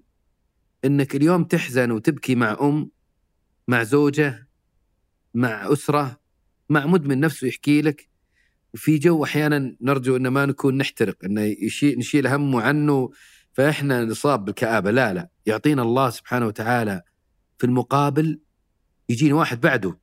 يقول يا دكتور سامي يمسكني كذا يحضني أقول له ها يا حبيبي. قال والله أني شفت لك مقطع في ال social media والله شفتك في بثك في التيك توك والله شفتك في كذا تابعتك والله أنك غيرت حياتي. يا أخي اللهم لا تجعل لهذا يعني في هذا الكلام شيء رياء ولا سمعة ولا شيء مادي ولا شيء مركز ولا غيره. لا أنا الحمد لله أنا يعني وصلنا مرحلة إنه والله نستمتع بفضل الله ان يعني نغير حياة الناس فيعطيك الله مع موضوع الإدمان وقلقه يا رجل واحد من بغى يضربني والله العظيم تجي أمام إنسان هايج فاشوى إنه قال لي قلت إيش فيك؟ قال لي أبعد عني قلت والله أبعد عني يا ولد إيش فيه؟ جاي وصادم سيارته وجايني في المركز وجلس قدامي لكن أمام هالألم وأمام المآسي أنت جالس تتعامل مع إنسان مضطرب وأسرته أحيانا مضطربة أنت أمام آه أثر كبير أنت تفرح فيه تدخره عند الله. ما أقول إن عملي كله خاص لوجهه أنا انسان متقاعد ما عندي شغلة. ما عندي شيء بزنس اللي عندي المركز هذا عيادتي في المركز والحمد لله يجيب الله خير. لكنه أكثر حراكي في وسائل التواصل كذا تحاول تجاهد نفسك عني لأنك الله فتح لك باب خير للناس. خير عظيم. يعني درجة ناس يقول لي أنا هذا هذا أشوف نفسي أنا كذا واحد راح بالله جاينا واحد أمس راح لسويسرا وجايني واحد للم- لامريكا وداخل مركز مدري إيش مراكز نعرفها مراكز متخصصة وراح مراكز كذا ودار فجاي عندك يقول والله أنا تأثرت فيك ما تأثرت بالعالم. طبعا إحنا عندنا نكهة مش حسب من غيرنا من المراكز المتقدمة لكن إحنا عندنا نكهة سعودية أنا عارف لشبابنا. هذه الآن اللي نتمسك فيها. أنا وزملائي في مركز رشد وزملائي المعالجين وغيرهم مراكزنا في السعودية ترى أنا ما أسوق لمركزي فقط لا. إحنا في السعودية عندنا ولله الحمد مراكز معدودة محدودة جدا وحاجه ماسة. لو يفتح في في في في الرياض مثلا وجدة والدمام المناطق الكبرى حتى المناطق الص- المدن معظمها. أصلا حكومية معظم- مجانية. الحكومية مجانية ولله الحمد يعني تؤدي جهد مجمعات إرادة. اللي هي م- مجمعات إرادة والصحة النفسية وزارة الصحة وبيوت منتصف الطريق وجمعياتنا الخيرية اشراقه وكفى وتعافي ومعافى وأمان. غير الجمعيات الخيرية هذه كلها غير ربحية. وإحنا نعتز فيهم وندعمهم ونقول للناس اللي بيتعافى يروح لها خاصة اللي ما يقدر يدفع مال. روح يا حبيبي والله الذي لا إله غيره. أفرح ما عندي إنك تروح لهم تتعافى مثل السمع لا تجي عندي في العيادة. يعني في عيادة تجارية خاصة تقول لي والله آه إلا بتعافى عندك. روح يا حبيبي. تلقى علاج هناك والحمد لله. لكن مثلها مثل الخدمة الصحية حكومي وغير حكومي تبغى خاص تبغى عام هدف هدف ورسالة المعالج دائما إحنا عندنا أخلاق مهنة إنه والله مصلحة العميل أو مصلحة المستفيد مريض الإدمان تخلص له. أنت عندك قدرة مادية حبيبي ولا روح المستشفى هذا اللي دائما نقوله. فإحنا دائما نقول المراكز الخاصة فيها خير بس إنها قليلة ومع كذا يعني تشوف في مساحة أكبر في لوجود مس في حاجة مراكز ماسه أكثر. في حاجة ماسة وجدوى استثمارية. للي بس بس من المؤهلون ل إي تحتاج تحتاج ضبط المشروع هذا. ما هو بسيط إنك تفتح مركز علاج إدمان. يعني إحنا طولنا عليك معليش. لا يا حبيبي. بس تعبناك اليوم. لا ابد يا حبيبي. بس والله حديثك لا يمل الله لي الله يسعدك حبيبي. بالعكس والله أنا سعيد معكم. علاج الادمان يعني له يعني فلسفة ومنهجية وخبرة وصنعة. ما يتعلق عن أمور بالمال، عندنا رؤوس أموال كثيرة في البلد وعندنا أراضي وعندنا مراكز لكن التحدي الكبير صراحة لكل اللي بيستثمرون في هالجانب. بالعكس الله يرزقهم بالعكس. يعني ترى ما ما تقول لا ما أبي أحد يجي يغطي عليه لا والله بالعكس حاجة ماسة وهي مطلب وطني وإنساني ومجتمعي صراحة. حاجة فيه ماس لكنه فلسفة الموضوع هذا إنه من يقوم بالعمل؟ الكوادر وسير العمل والبناء القدرات والمنهجيه والتعامل مع البيئة العلاجية هذا يبغى له واحد مخمخ وليست مثل أي بيئة. أنا ما يجيني واحد جالس لي فاتح ثمه يقول له سوي لي عدسة وابتسامه هوليوود وسوي لي ليزر على الجلد. لا أنا أتعامل مع إنسان مضطرب. قد يعتدي علي صراحة. أنا أتعامل مع أسرة مضطربة. أتعامل مع مرض انتكاسي. قد ينتكس مرة الناس يقولون عندك ضمان إن شاء الله ولدنا. لا ما عندي ضمان أنا ماني وكالة سيارات أضمن لك ضمان. ما في عندي ضمان. إحنا نتدخل معاه ونخلص لك في العمل معاه إحنا وغيرنا من المراكز وبالتالي نقول يا رب معدل الانتكاسه في السعودية أربع مرات في دراسة وطنية قبل الشفاء التام. يعني في ناس ستة وسبعة وثمانية في ناس واحد واثنين واربع يعني متوسط أربع مرات. الإدمان مرض انتكاسي. كون إنه انتكس مو معناته إن اللي عالج وغشك واخذ فلوسك هذه مشكلة عندنا دائما لا اخذ أعطيناكم فلوسنا ولا تعافى الولد طيب إحنا نلتزم بالخدمة. أما النتيجة هذه عند رب هو جزء طبيعي أصلا أظن حتى ضروري يفهموا المتعالج وأسرته إنه في انتكاسة تصير. أذكر في حملة جدا عظيمة كانت اسمها لا تبطل تبطل. إي حلوة حلوة لا تبطل تبطل أي مرة حلوة. كانت جدا مؤثرة. مرة رهيبة. لا تبطل تبطل. حلوة دائما. بتبطل بعدين بعدين بتبطل مرة ثانية. شوف إحنا زي الملاكمة. والله يا حاتم شوف يجوني بعض الشباب قال لي يا دكتور بطلت ست مرات سبع مرات. والله سبع مرات؟ قلت طيب خليها عشرة.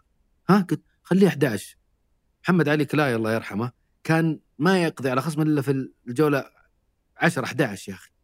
أنت أمام الإدمان كل مرة تكتسب قوة كل انتكاسة تبصرك بالطريق. زين؟ كل زلة تعلمك ال ال ال المكان المز الزلق هذا اللي تزلق معاه مرة ثانية تشيل رجلك عنه. جاني واحد قبل أسبوع أو أسبوعين قال لي والله انتكست والله أني اموري طيبه دكتور سامي بس طلعت قلت أيوه طلعت مع واحد من الشباب. وأنا والله ما في بالي شيء. طيب وبعدين؟ قال والله ركبت معاه حتى هو صاحبي قال لي بالله أنت مبطل لا تدخن. قلت أقول لك هات. قلت من الأساس؟ الله يهديه هذا صاحبك ويصلحه. عندنا مثيرات؟ عندنا أشخاص. عندنا دائما قاعدة الثلاثية هذه. أشخاص وأشياء وأماكن. هذه أشخاص أشياء أماكن. حفظها عيالنا وبناتنا في برامج التعافي. إنه الأشخاص اللي في حياتك أو في جوالك مرة مسحهم ابعد لأنهم أعظم مثير لك في العودة للإدمان.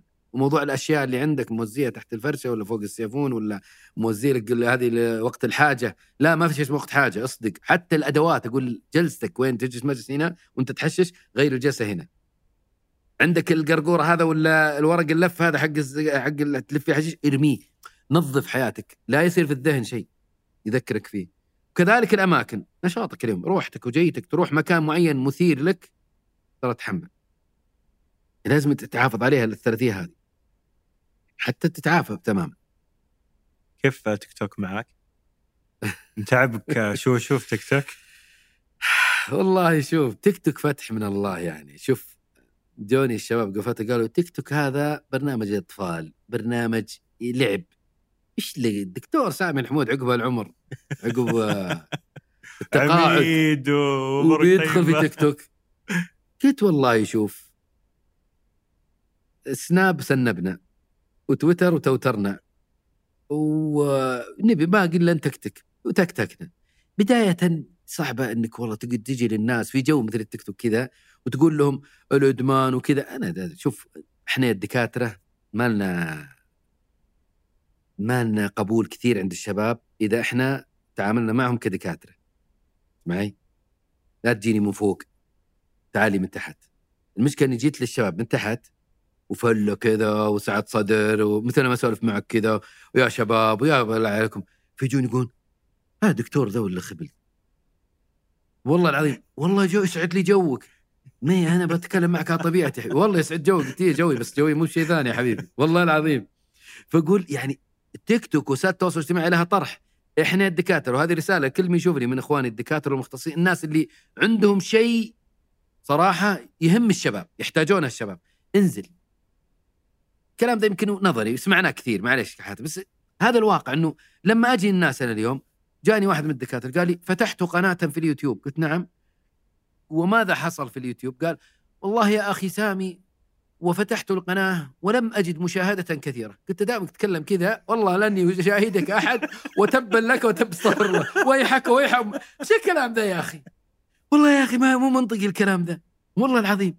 تعال للناس كذا. يا أخي أنا أطلع أحيانا يقول وش ذا طالع ب cap ويسولف مع الناس وأشرب كذا يا شباب أخباركم؟ ها شلون شلون الأمور؟ ناس بتسولف يا أخي شوي.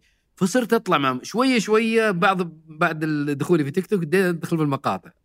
بالمقاطع شوية شوي صرت لا أسوي مقاطع أصلا للتيك توك. بداية صرت أخذ المقاطع القديمة كذا وأحطها. لا صرت أصنع أشياء.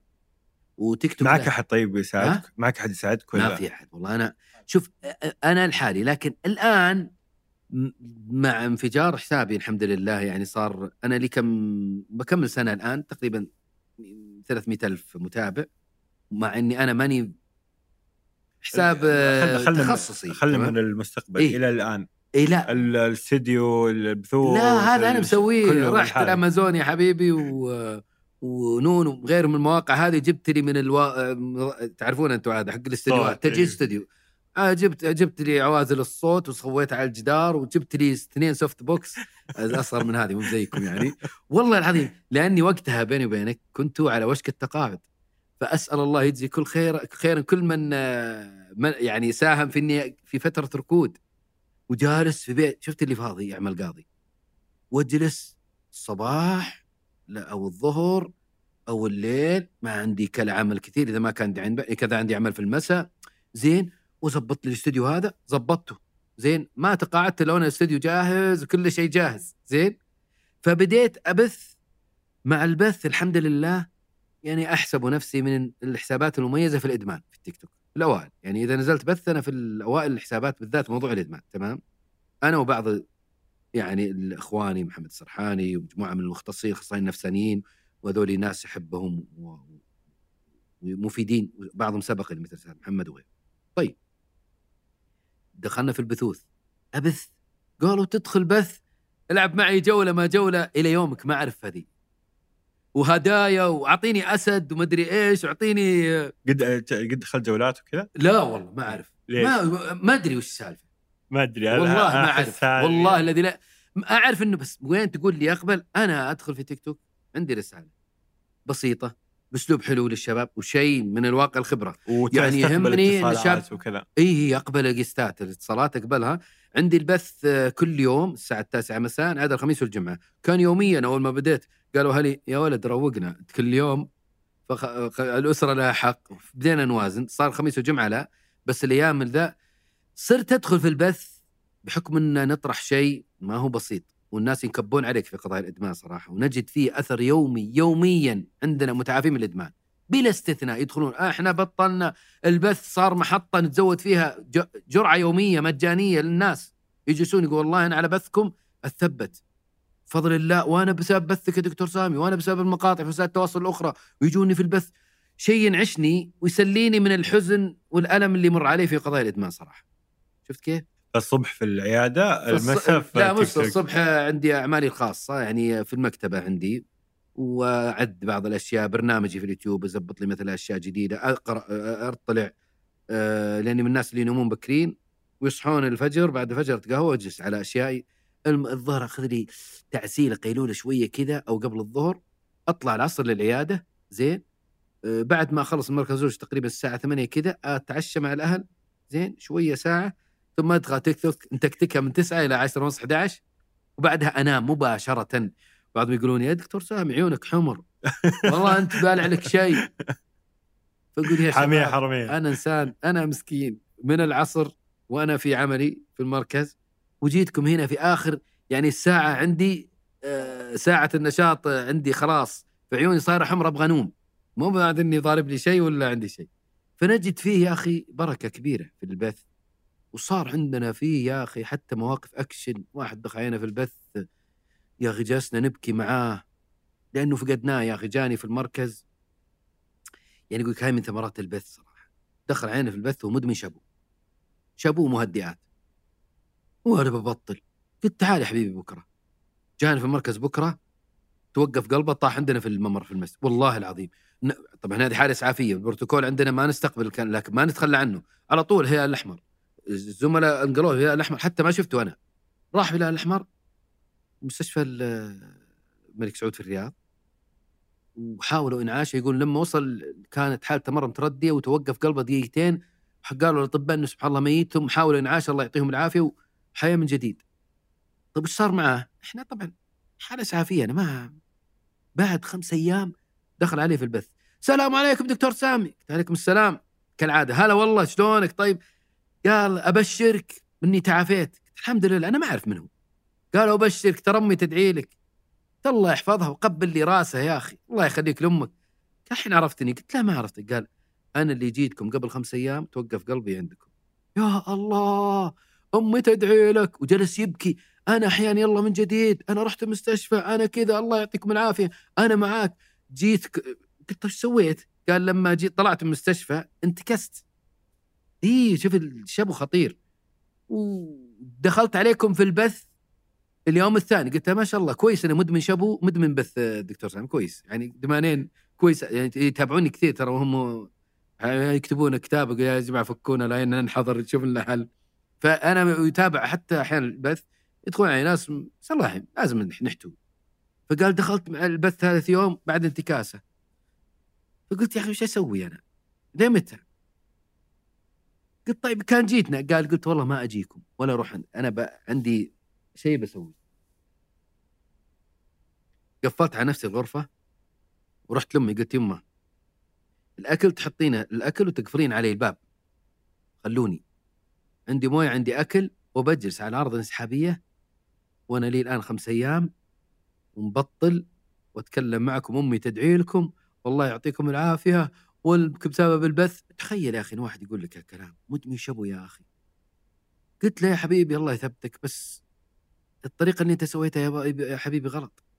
الأعراض الانسحابيه ما يتعامل معها. قال لا أنا أبغى أجلد نفسي على أساس ما عاد اتعودها هذا فلسفه أنا ما أوصي بهذا ابدا. هذه عقلية إدمانية لا غلط. يعني. غلط يا أخي. يمكن يصير لك انتكاسة أو تشنجات أو هبوط أو وفاة. لكن هو اختار الطريق الصعب الغلط. لكنه كان نيته حلو. وجلس يخبط بنفسه. قلت سويت؟ قال والله جلست أكسر في الأثاث وجلست كذا. وأمي تقول بسم الله عليك ومن هالكلام. لين مضت أول يومين ثلاث أيام بديت اهدى بعد كذا الحين أنا أكلمكم اليوم الخامس أموري طيبة الحمد لله. بعد كذا يوم الثاني شوف اللي يعني العمل في الإدمان فيه إنسانية كبيرة. أنا أصلي العصر والله في اليوم الثاني بعد البث. طبعا دعينا قلنا خلاص انت بنفسك وتعال عندنا. ترى الثبات المهم إنك تبطل أمر سهل لكن لازم تداوم على برنامج سلوكي وتأهيلي مثل ما إحنا نقوله دائما في البرامج المتخصصه في علاج الادمان. اليوم الثاني أصلي العصر جنبي واحد. السلام عليكم ورحمة الله. زين. أنا والله جنبي واحد. مسكني كذا ضمني. من؟ كان فلان. أوه كيف حالك؟ والله يبكي. ويا أخي من أعظم المواقف المؤثرة في علاج الادمان إنك تشوف واحد غير حياته، حياته تغيرت، بوصلت حياته تغيرت، ردها الله لبلده ووطنه وأم أمه وأبوه وأسرته. يعني هذا شيء إحنا يا معالجين الإدمان و, و, و يعني أنا- يعني أنا أكيد زملائي في علاج الإدمان يعرفون الشهادة تماما لكن دائما نذكر أنفسنا فيه دائما يا شباب ترى إحنا أصحاب رسالة. كون الشاب يتعافى ويغير حياته ترى هذا شيء كبير كبير جدا في علاج الإدمان. الله يقويكم والله يعطيك العافية. وأنا سعيد والله. بتجربتك لأنه دائما أقول للناس إن الإعلام الآن أصبح حر تماما من قيود المؤسسة ولازم مخرج ولازم منتج. فأنت الآن بنفسك في زاوية في البيت تعلمت تعلمت نفسك وحطيت أغراضك وسويت شغل أقوى من القنوات التلفزيونية كاملة. ففعلا يعني سعيد والله باللي قاعد تسويه وبالأثر العظيم اللي فيه الله يقويكم وينفعكم والله. يخلص النية لوجهك وشكرا والله على. وقتك وعلى حضورك حبيبي والله شرفتني. أنتم اللي شاكر لكم والله ولقاء جميل الله يعطيكم العافية وإن شاء الله إن قدمنا شيء يعني يستحق المشاهدة. شكرا لكم وشكرا لفريق مربع العظيم عمل على هذه الحلقة عبد الكريم العدواني في الإعداد في التصوير عبد الرحمن العطاس في التسجيل والهندسة الصوتية يوسف إبراهيم في التحرير محمد الديني وجميل عبد الأحد في التلوين عبد المجيد العطاس وفي الإنتاج أيمن خالد وفي إدارة محتوى التواصل الاجتماعي نور السبيعي. فيعطيهم العافية جميعا. وإلى أن نلقاكم الأسبوع المقبل بإذن الله. كونوا بخير.